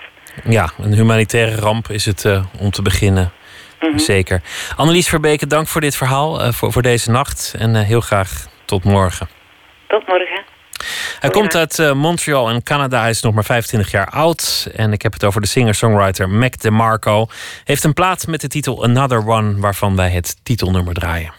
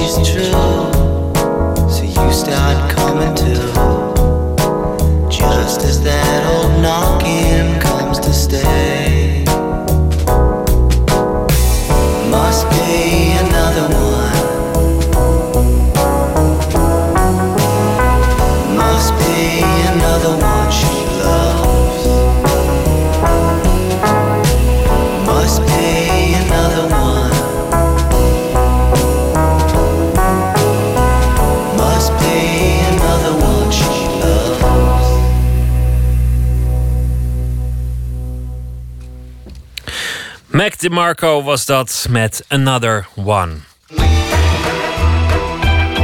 Nooit meer slapen. Het is een uh, veel gedocumenteerd gegeven. De vrouw die de 30 passeert en ineens een gruwelijk verlangen krijgt naar een kind. Maar manlief of de vriend, die hoeft dat allemaal nog niet zo dringend. Het nieuwe boek van Robert Weelage in goede handen biedt een kijkje in gedachten, angsten en verlangens van de twijfelende dertiger. Omdat zowel schrijver als de romanheld regelmatig gaan rennen in de bossen van Amelisweert, reist onze verslaggever Matthijs Deen op uitnodiging van Weelage naar datzelfde bos om al daar te praten over kinderen, over de dertiger en over uh, wat Robert vindt dat boeken moeten beschrijven.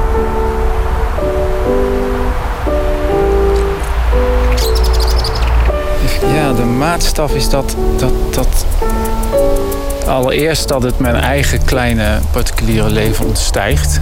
En dat het iets universeels is. Daar zoek ik wel naar. Ik hoop dat ik dat bereik. En nou ja, ja, ja de, het moet echt zijn, ja. Er komt een dubbelgang in voor, maar dat is maar de, het begin van het boek. En daarna. Ja. Het moet gewoon over het leven gaan. Dat als iemand dit leest, die denkt: deze schrijver praat tegen mij. Verdomme, hier denk ik ook over na. Dit is wat speelt, dit is waar het leven over gaat. En als je dat weet te vangen in een boek, wat ik best pittig vind, dan denk ik, nou, nou ben ik goed bezig. Dit is een stem, dit is waar. Hier, nu hebben we het ergens over. Ja.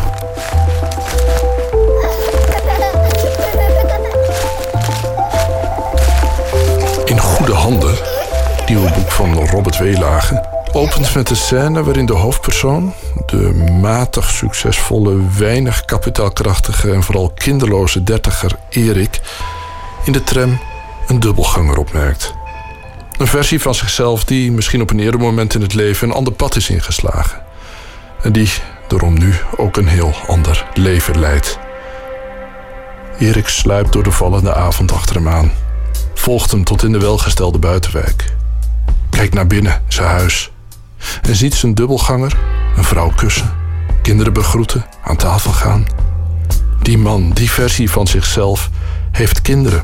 Heeft een mooi huis heeft een stropdas die er wat losser doet en een vrouw die in dat plaatje past. Eriks echte vriendin wil ook een kind. Maar Erik weet het niet. Hij twijfelt. Hij kijkt naar binnen, naar die dubbelganger, die kinderen.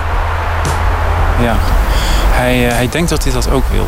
Hij ziet die man en hij denkt, dat zou ik ook al willen. En tegelijkertijd wil hij het niet. Want het leven dat hij leidt, dat is toch echt een, andere, ja. een ander leven. Dus daar is hij heel erg... Uh, uh, door, eigenlijk door die, dat, ja, die vraag komt op scherp te staan van wat wil ik nou eigenlijk door, uh, door, door het krijgen van een kind.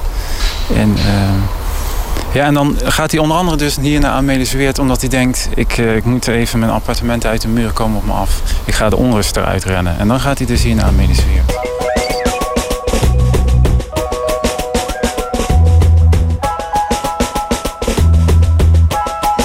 Hij hoopt ook door te rennen, door te sporten, dat zijn gedachten afnemen. Dat, dat, dat het piekeren stopt. Dat is niet het geval.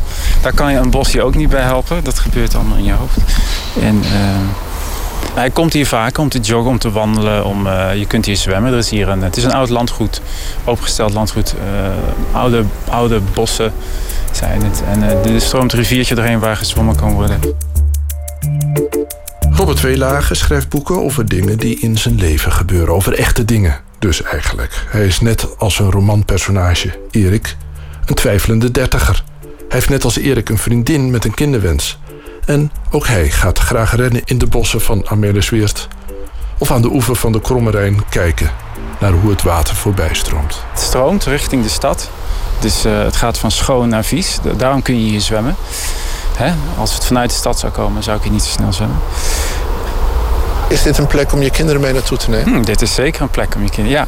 Vertel me eens hoe, het, hoe, dat, hoe dat er dan uit gaat zien. Jij bent vader en dan? En dan, nou, dan kom ik denk ik op de fiets vanuit, uh, vanuit uh, nou ja, vooralsnog de stad. Hoewel ik best de stad uit zou willen. Maar vooralsnog uh, kom ik dan denk ik op de fiets. Met mijn vriendin erbij en een kindje ja, achterop. En dan ga je hier zo lekker, leg je wat handdoeken neer. En dan ga je, heb je wat eten meegenomen denk ik. En dan duik je duik je lekker aan het water in. Ja, met z'n allen. Dat lijkt me heel gezellig. Dingen die doorslag geven, wel of geen kind. Daar kan zo'n bos ook een rol in spelen. Ja, je moet het ook weer niet idealiseren. En Het, krijgen, het hebben van een kind is niet alleen maar aan het water zitten in een bos natuurlijk. De dagelijkse realiteit. Nee, maar als, als, jij, als jij fantasie hebt over je kind... dan is het niet zo dat je zeg maar, een buitenwijk van Utrecht laat zien... maar dan laat je Amelis Weert. Eerder wel, ja. Ja. Ik denk überhaupt niet zo vaak aan buitenwijken van Utrecht. Ja, die zullen waarschijnlijk een grotere rol spelen... in het leven van het kind dan Amelis Weert. Dat is waar. We denken er ook over om, of in het boek... Ja, in het echt en in het boek om de stad uit te gaan... en inderdaad eh, meer ruimte te hebben voor kinderen, ja. Wat is de twijfel eigenlijk? Is het bindingsangst of is het dat wel? Of is het de boze wereld? Ik kan me herinneren dat voor mij een grote struikelblok was... wil ik kinderen wel in deze wereld neerzetten? Hmm. Ja, dat, ja, dat is ook inderdaad een vraag wij. Of hele praktische dingen. Kan, kan, kan ik het wel? eh, Kunnen wij dat wel betalen of zo? Maar ik denk dat het, het fundament ligt in, in die jeugdervaring of zo. Dat hij denkt. Ben ik, lijk ik niet eigenlijk gewoon heel erg op mijn vader en mijn moeder? En zal de geschiedenis zich dan niet herhalen? Zal ik mijn kind dan ook niet kwetsen? Of, of zal, het, zal het dan hem of haar niet hetzelfde overkomen? En deze overwegingen aan de Kromme Rijn voeren naar de kern van het boek. En ook naar wat het boek zo glashelder en ontroerend maakt. Roberts romanheld Erik gaat, aarzelend voor de drempel tot het vaderschap, terug naar zijn eigen jeugd. Die naar zijn overtuiging is opgebroken in een paradijselijke periode, voor zijn twaalfde, tot de scheiding van zijn ouders. En de periode erna, waarin hij in de verwarring door de breuk door beide ouders een tijd aan zijn lot wordt overgelaten. Het boek gaat dus ook over de vraag of je als romanheld of als mens van vlees en bloed in staat bent om je te ontworstelen aan je eigen geschiedenis, je erfenis, je voorbeeld. Ja, waar het boek eh, onder andere over gaat, is inderdaad dat Arcadische denken. Hij heeft een gelukkige jeugd gehad, daar is abrupt een eind aan gekomen. En ja, wat gebeurt er bij Arcadisch denken? Dan ga je dus hè, van je, een, een periode uit je eigen leven een soort gouden tijdperk van maken. En in dit geval dus zijn vroegste jeugd.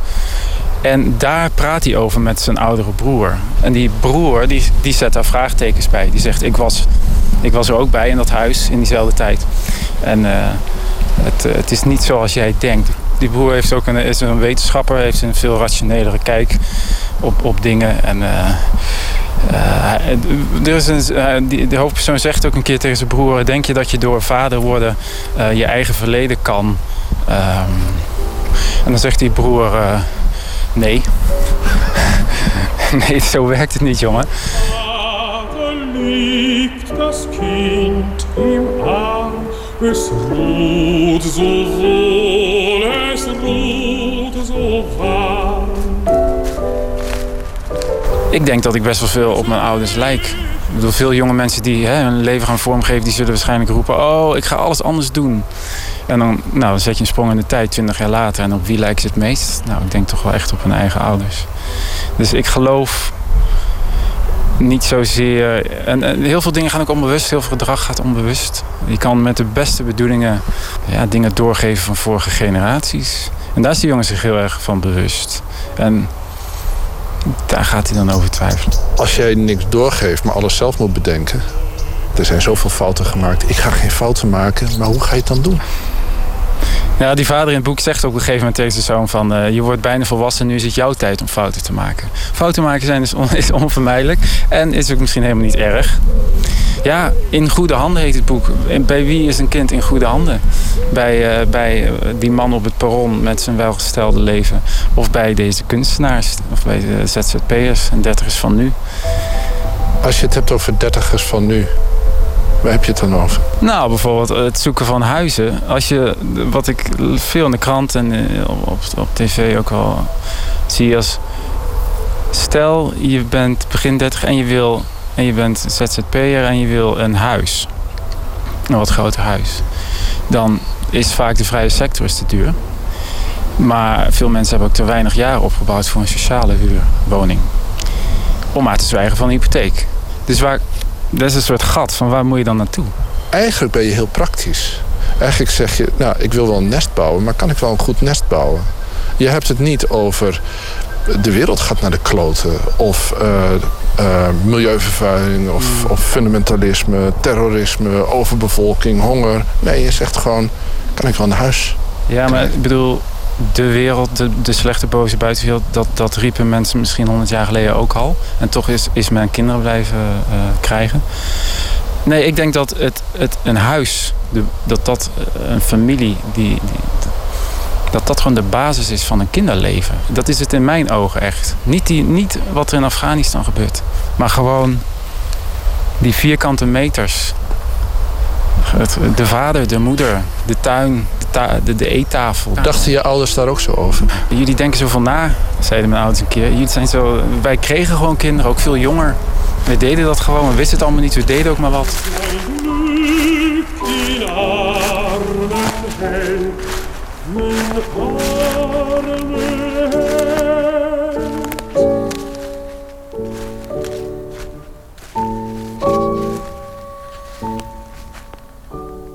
Het nieuwe boek van Robert Weelage in goede handen is eh, vanaf morgen verkrijgbaar. Een bijdrage van Matthijs Deen was dat. De televisieserie True Detective, daar is een uh, soundtrack van uitgekomen. Met allemaal uh, mooie nummers van bekende artiesten. Cassandra Wilson en Nick Cave bijvoorbeeld. Omdat het zo'n mooie serie was, maar ook omdat dit een mooi nummer is van een wat minder bekende, John Paul White. Draaien we het nu, een prachtige ballad. What a way to go.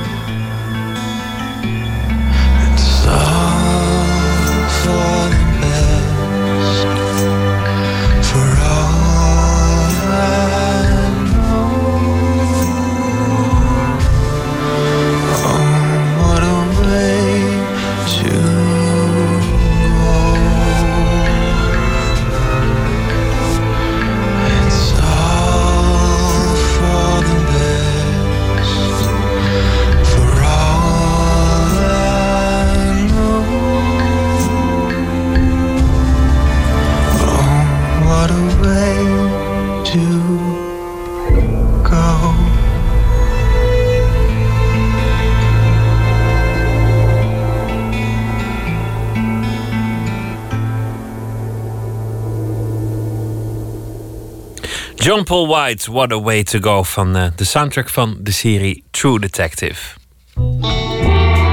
Nooit meer slapen. Vandaag kreeg de Oekraïense filmregisseur Oleg Sentsov in eh, een Russische rechtbank te horen dat hij 20 jaar de cel in zal moeten.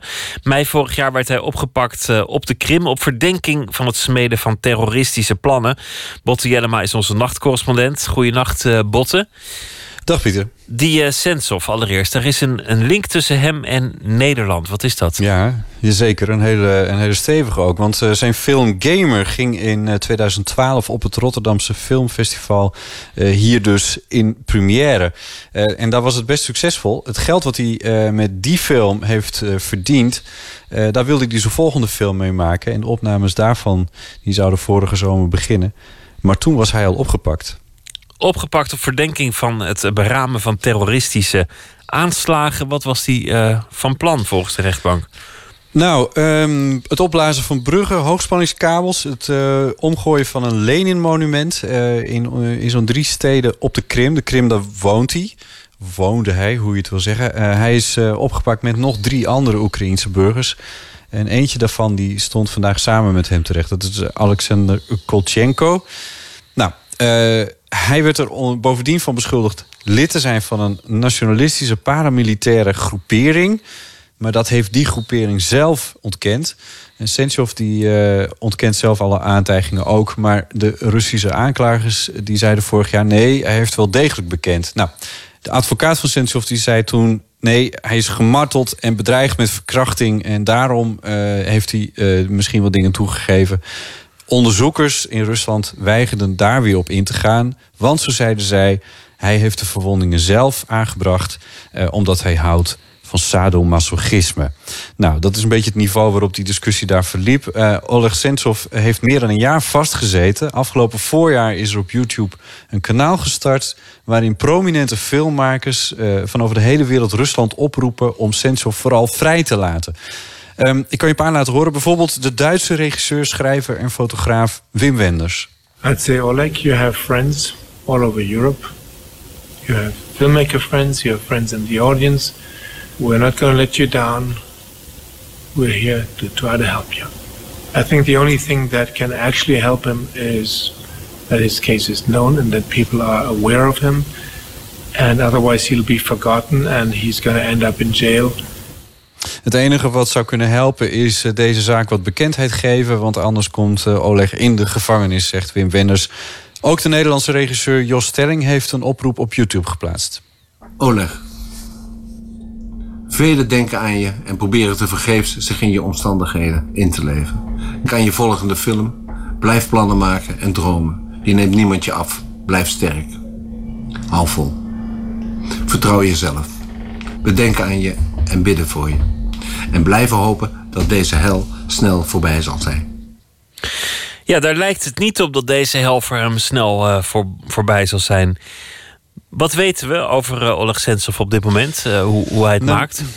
Ja, het is, het is lastig te zeggen natuurlijk. Maar uh, toen hij een maand geleden. Uh, toen, een maand geleden is zijn zaak eindelijk voor de rechter uh, geopend. Heeft dus echt meer dan een jaar alleen maar in de in voorarrest gezeten. En daar leek hij heel strijdbaar. Hij kreeg daar spreektijd. en daar legde hij een, een verklaring af. Ik laat even wat horen. страшный грех на земле – это трусость. Это написал, написал великий русский писатель Булгаков в книге «Мастер Маргарита». Я с ним согласен. Трусость – самый главный, самый страшный грех на земле. Ja, Sensov zegt hier: uh, de grootste zonde op aarde is lafheid. Een grote Russische schrijver, Mikhail Bulgakov, uh, schreef dat. En vervolgt hij dan door uh, te zeggen dat verraad een vorm van lafheid is. Bijvoorbeeld martelen. Uh, ze doen een zak over je hoofd, ze slaan je wat. Na een half uur ben je klaar om je eigen overtuigingen te verloochenen. Jezelf en anderen in discrediet te brengen. Alleen maar om het slaan te laten stoppen. Hij zegt dan uh, dat heel veel, hij heel veel Russische tv heeft gekeken. Uh, en dat die nieuwsshows daar allemaal propaganda zijn om het volk voor te liegen. Poetin is fantastisch, Oekraïners zijn allemaal fascisten. Maar hij zegt dat iedereen daar echt wel door heeft dat de werkelijkheid iets anders in elkaar zit. En maakt het dus eigenlijk een heel erg rustige indruk als je dat allemaal hoort. Hij spreekt, um, of, dat, dat zag je eigenlijk ook vanmiddag in zijn reactie uh, op het oordeel van de rechter zelf. Hij en Kolchenko, dus die samen met hem was opgepakt, begonnen na het horen van het oordeel het Oekraïense volkslied te zingen.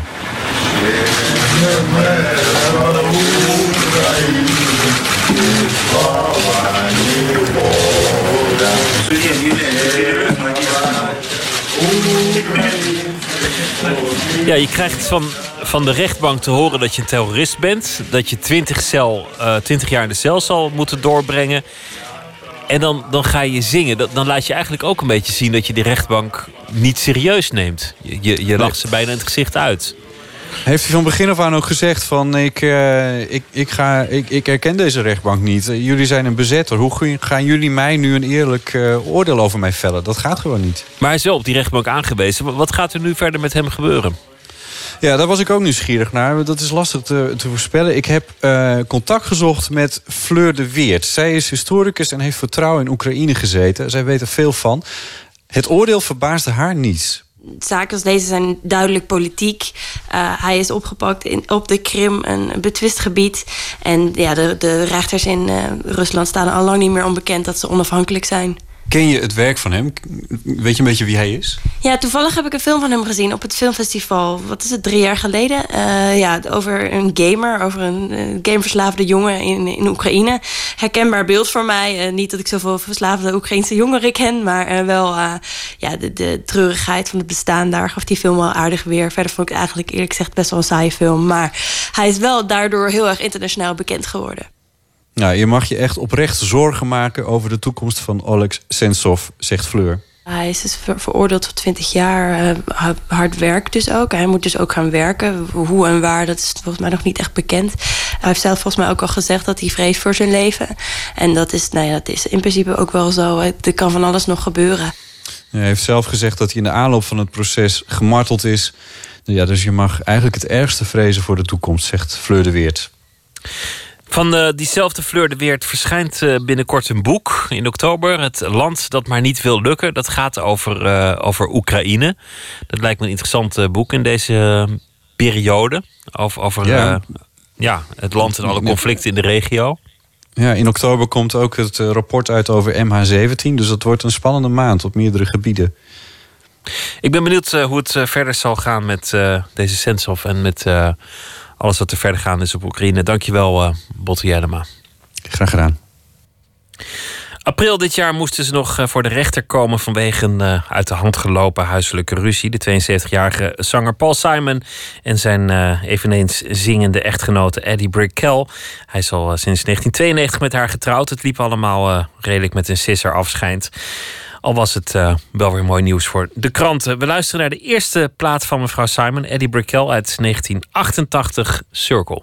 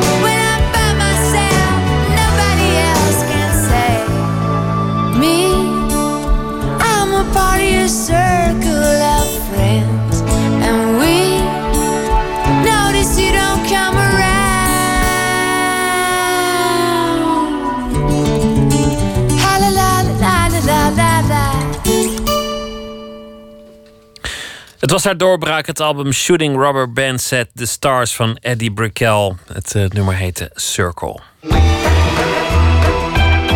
Nooit meer slapen. De Belgische regisseur Clara van Es is bekend van de in 2010 gemaakte film Verdwaald in het Geheugenpaleis. Een van de meest bekeken Vlaamse documentaires aller tijden. Ze heeft nu een nieuwe film, Carnotstraat 17, waarin ze laat zien hoe migranten hun levens proberen op te bouwen. De nieuwkomers wonen in een gebouw dat ooit een van de mooiste en modernste bioscopen van Antwerpen was. Cine Rubens. Verslaggever Nicole Terborg sprak Clara van Es. Het uh, gebouw fascineert mij al jaren. Kwam daar regelmatig voorbij en ik moest altijd naar de gevel kijken. En dan vroeg ik mij af welke verhalen zouden er nu achter deze gevel zich afspelen. Ik wou daar misschien ooit wel eens iets mee doen met het gebouw, maar ik wist eigenlijk helemaal niet goed wat. En eigenlijk was dat een beetje dom van mij, want gemeten aan het aantal schotelantennes dat tegen de voorgevel aankleeft, had ik kunnen weten dat er migranten in het gebouw woonden. Ik ben 38 jaar. Ik, ik woon in België 10 jaar, meer dan 10 jaar. Uh, ik ben getrouwd. Ik heb familie, vrouw, twee kinderen, twee dokters. Armenu en Hasmik. Het uh, concrete uitgangspunt was een citaat van Benjamin Barber. Die vertelde dat wij, Westerlingen, altijd denken dat echte democratie gaat over goed kunnen praten, het goed kunnen zeggen. Maar eigenlijk, zegt Benjamin Barber, gaat ware democratie over goed kunnen luisteren. En in het verhaal van de ander common ground te willen ontdekken. En dat is eigenlijk wat ik proberen, geprobeerd heb om te doen in mijn film. De documentaire zoomt in op drie huishoudens: een Tibetaanse familie, een Armeens gezin en een alleenstaande Afghaan. De nieuwkomers geven hun visie op migratie, het verleden en ze vertellen hun toekomstdromen. Ook horen we de gesprekken in een Vlaams volkscafé en een Afrikaanse kapperszaak. Allemaal in dezelfde buurt. Mijn filmlocatie die ligt aan de Antwerpse Carnotstraat op het nummer 17. En de Carnotstraat was vroeger een heel notoire winkelstraat overdag en s'nachts een even notoire uitgangsbuurt. Diezelfde avond had in Cine Rubens een andere luisterrijke gala-première plaats. Deze van de Warner Bros. film My Fair Lady, die is uitgegroeid tot een schitterend avondfeest dat de vele aanwezigen niet vlug zullen vergeten. De burgemeester, hoogwaardigheidsbekleders van het leger en de provincie, kortom iedereen die in Antwerpen een voorname plaats bekleedt, had er aangehouden persoonlijk aanwezig te zijn. Misschien moet ik nu even vertellen hoe ik mezelf toegang verschaft heb tot het gebouw. Ik ben daar heel naïef aan begonnen. Ik dacht, ik stel een brief op in drie talen: Nederlands, Frans, Engels. En ik ga post vatten voor de deur. En uh, ja, elke keer als er iemand buiten kwam, dan vroeg ik beleefd of ik naar binnen mocht. Want ik wilde graag kennis maken met de bewoners in het pand, omdat ik een film wilde maken over migratie. En ik mocht elke keer zonder problemen naar binnen. En dan ben ik gewoon alle verdiepingen één voor één aan de deuren gaan kloppen. En dan heb ik daar, ja, soms lukte het in het Engels, maar soms was het ook met gebarentaal. Proberen duidelijk te maken wat mijn plan was. En ik mocht eigenlijk bij het gros van de gezinnen, ook al stond ik daar als wildvreemde voor de deur, mocht ik gewoon binnen en kreeg ik daar al gelijk iets om te drinken of om te eten aangeboden en kon ik mijn verhaal doen. Dus als ik dan zou vergelijken met, met mezelf, moest er bij mij aan mijn flat uh, voordeur iemand staan die uh, plannen heeft om een film te maken in mijn gebouw. Ik zou wel anders piepen, denk ik. Ik, ik wil gezin rond me hebben. Samen, gezond en graag. Dit is alles mijn droom in België. De ooit bloeiende bioscoop is nu een vervallen gebouw. Aan de buitenkant een verweerde bruingrijze voorgevel. En binnen versleten trappen en oud tapijt. En Clara van S. heeft heel wat tijd doorgebracht in dit pand. Ik ben in totaal vijf jaar bezig geweest met dit project. En ik ben minstens één keer per week over en weer op bezoek geweest bij mijn personages in het huis. Ik was daar de enige Belgische, afgezien van de huisbaas. Was ik de enige Belgische die daar over de vloer kwam. En binnen de kortste keren was ik het aanspreekpunt voor alles Belgisch. En ik heb... Alle brieven kwamen bij je langs? Alle brieven kwamen bij mij langs. Ik ben naar alle mogelijke ziekenhuizen onmogelijke doktersafspraken geweest. Ik heb Nederlandse les gegeven. Ik ben gaan bemiddelen bij elektriciteitsmaatschappijen, bij schuldbemiddelingen heb ik proberen voor elkaar te krijgen. Allee ja, noem het op en ik heb het gedaan. En ik wil daar niet blasé mee overkomen, maar zo is het wel. Familie komt op bezoek voor één week. Maar hier België nee. gewoon komt door de dag. Ja. Voor acht uur in de avond moeten we terug naar huis. Ja, Waar lag bij jou de grens van nee, hier help ik niet?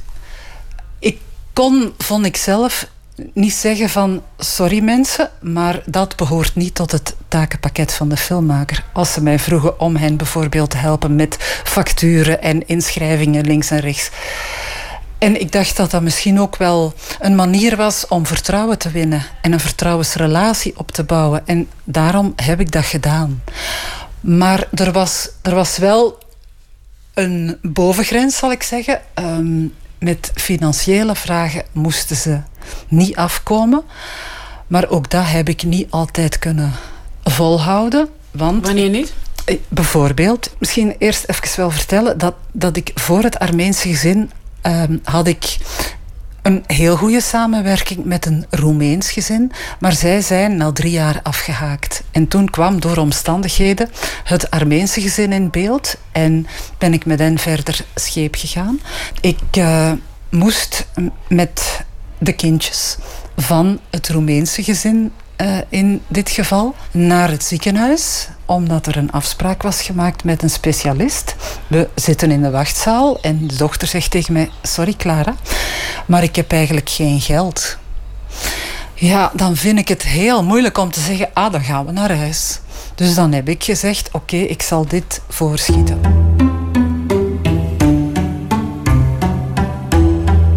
tant qu'immigré, euh, je me sens étouffé, je me sens limité. Je me sens plus à l'aise. Tu comprends Quand tu dis le mot à l'aise, parce que tout le temps tu répètes toujours à l'aise à l'aise. À l'aise sur l'esprit. Donc là, ce sont des langages. Volgens de regisseur wordt het debat over migratie en identiteit eenzijdig gevoerd. Daarom wilden ze nieuwkomers zelf aan het woord laten en een film maken over wat migratie doet met een mens.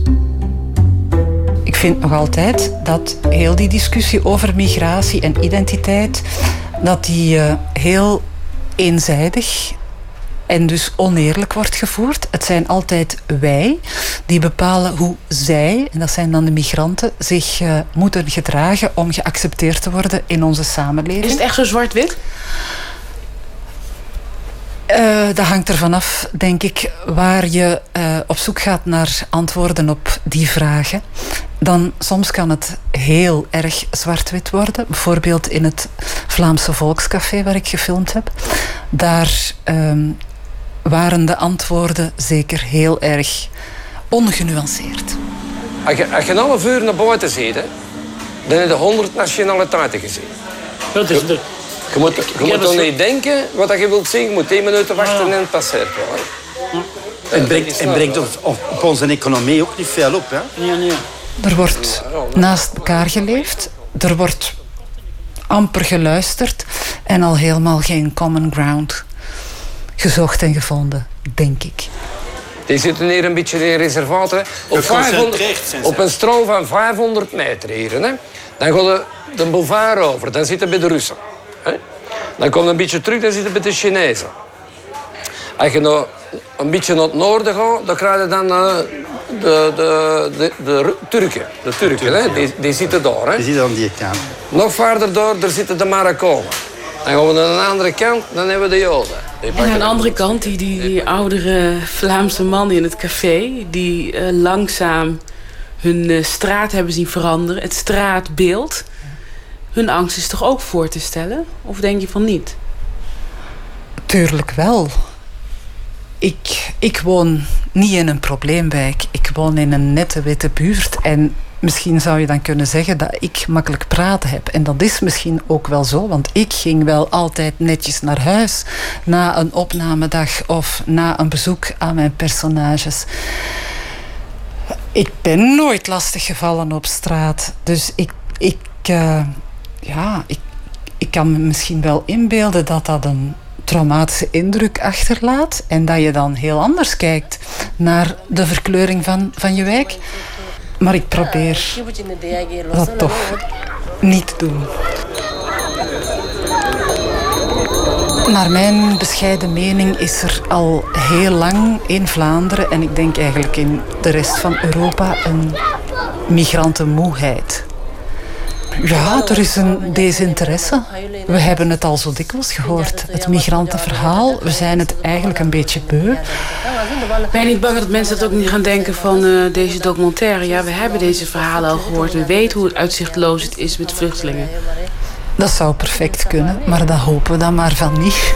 Meer kan ik daar eigenlijk niet op zeggen. De de vervallenheid van het gebouw, dat is iets wat veel kijkers opvalt. En de huisbaas van het gebouw bijvoorbeeld was eigenlijk ook niet echt heel gelukkig met de manier waarop wij zijn gebouw in beeld hadden gebracht.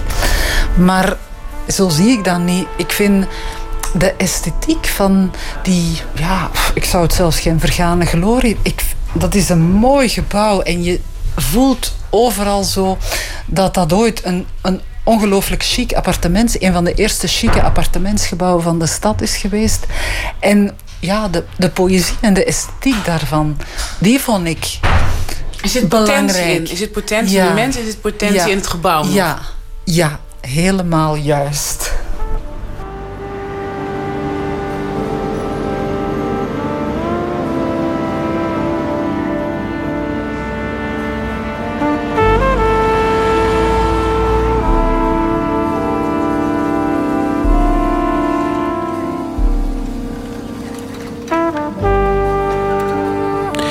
Film Carnotstraat 17 draait vanaf overmorgen in de bioscoop. Nicole Terborg in gesprek met Clara van S. King Floyd was een uh, soulzanger uit New Orleans. Zijn uh, grootste claim to fame is uh, dat hij een van de medeschrijvers was van het nummer Mr. Bombastic Feeling Fantastic. Maar hij heeft zelf ook mooie dingetjes gemaakt. 1971, Don't Leave Me Lonely.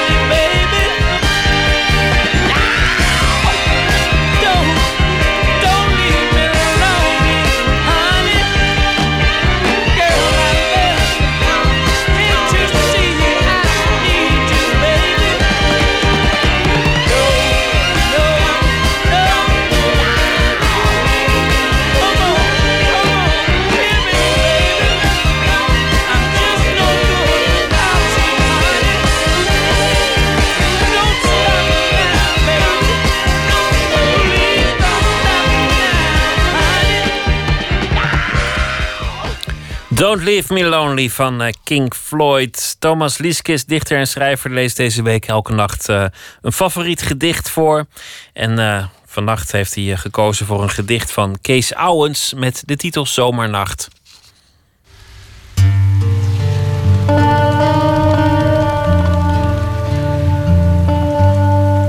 Kees Ouwens, Intieme Handelingen. Kees Ouwens is een dichter die begon met redelijk goed te volgen gedichten. Dat waren zeer begrijpelijke verzen. Maar later werd hij steeds moeilijker omdat hij een eigen een eigenaardige taal ging gebruiken. Bijna onbegrijpelijk, met zeer vreemde woorden erin. Bijna filmische taal, omdat hij zocht naar een kern die niet 1, 2, 3 in woorden te vangen is. Uh, deze bundel Intieme Handelingen is uit 1973, dus eigenlijk vrij vroeg nog. En gaat over fietstochten en wandelingen die hij maakte in de omgeving van zijn woonplaats Utrecht. Kees Ouwens is kort na het krijgen van de VSB-prijs gestorven. Ik denk dat hij ongeveer in de jaren 50 was, 55 of zoiets. Uit de bundel Intieme Handelingen. Zomernacht. Stilte heerste toen ik mij gereed maakte het dorp achter mij te laten.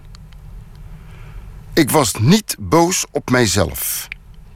Ach, zelfs was ik wel vertederd om al die fleurige velden om mij heen, zo bedekt met duisternis dat niets meer zichtbaar was van een luchthartige lust. Er was niets om mij heen, kreeg ik de indruk. Geheel van iedere hartstocht verlaten, scharrelde ik zo in den blinde verder, van voet op voet. Ik was mijzelf zo dierbaar, dat wist ik, maar ook vervuld van haat jegens alles wat ik was. En dat was sterker. Heel langzaam ging ik vernietigd worden, zo vreed, met niets om mij heen dan donkere atmosfeer, waarin ik ook niets vermoeden kon dan nimmer eindigende en reddeloze nacht. Een gedicht van Ouwens, afkomstig uit de bundel Intieme Handelingen, gelezen door uh, Thomas Lieske. En de titel ervan was Zomernacht. We gaan uh, luisteren naar Beth Orton. De First Family of Soul werden ze ooit genoemd. Five Stair Steps, een soulgroep van vier broers en twee zusters. Vooral bekend werden ze vanwege Oh Child. En uh, dat nummer werd dus uitgevoerd in 2003 door heel iemand anders, namelijk Beth Orton, die ik eerder noemde. Hier is Oh Child. Ooh, child, things are gonna get easier. Ooh, child, things will be brighter. Ooh, child, things are gonna get easier. Ooh, child, things will get brighter.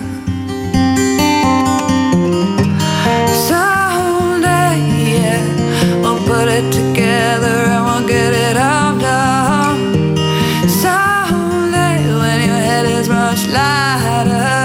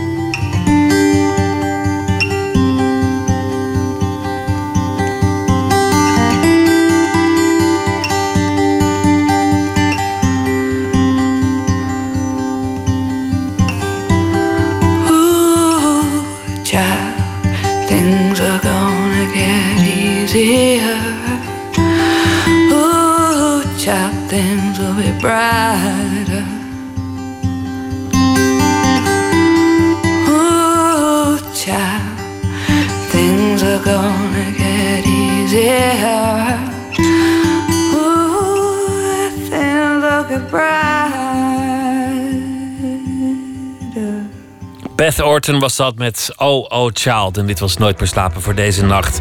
Zometeen op NPO Radio 1 eh, kunt u luisteren naar eh, de collega's van Nog Steeds Wakker. Ik wens u een hele goede nacht. En morgen komt Hans Theeuwen op bezoek. Hele goede nacht.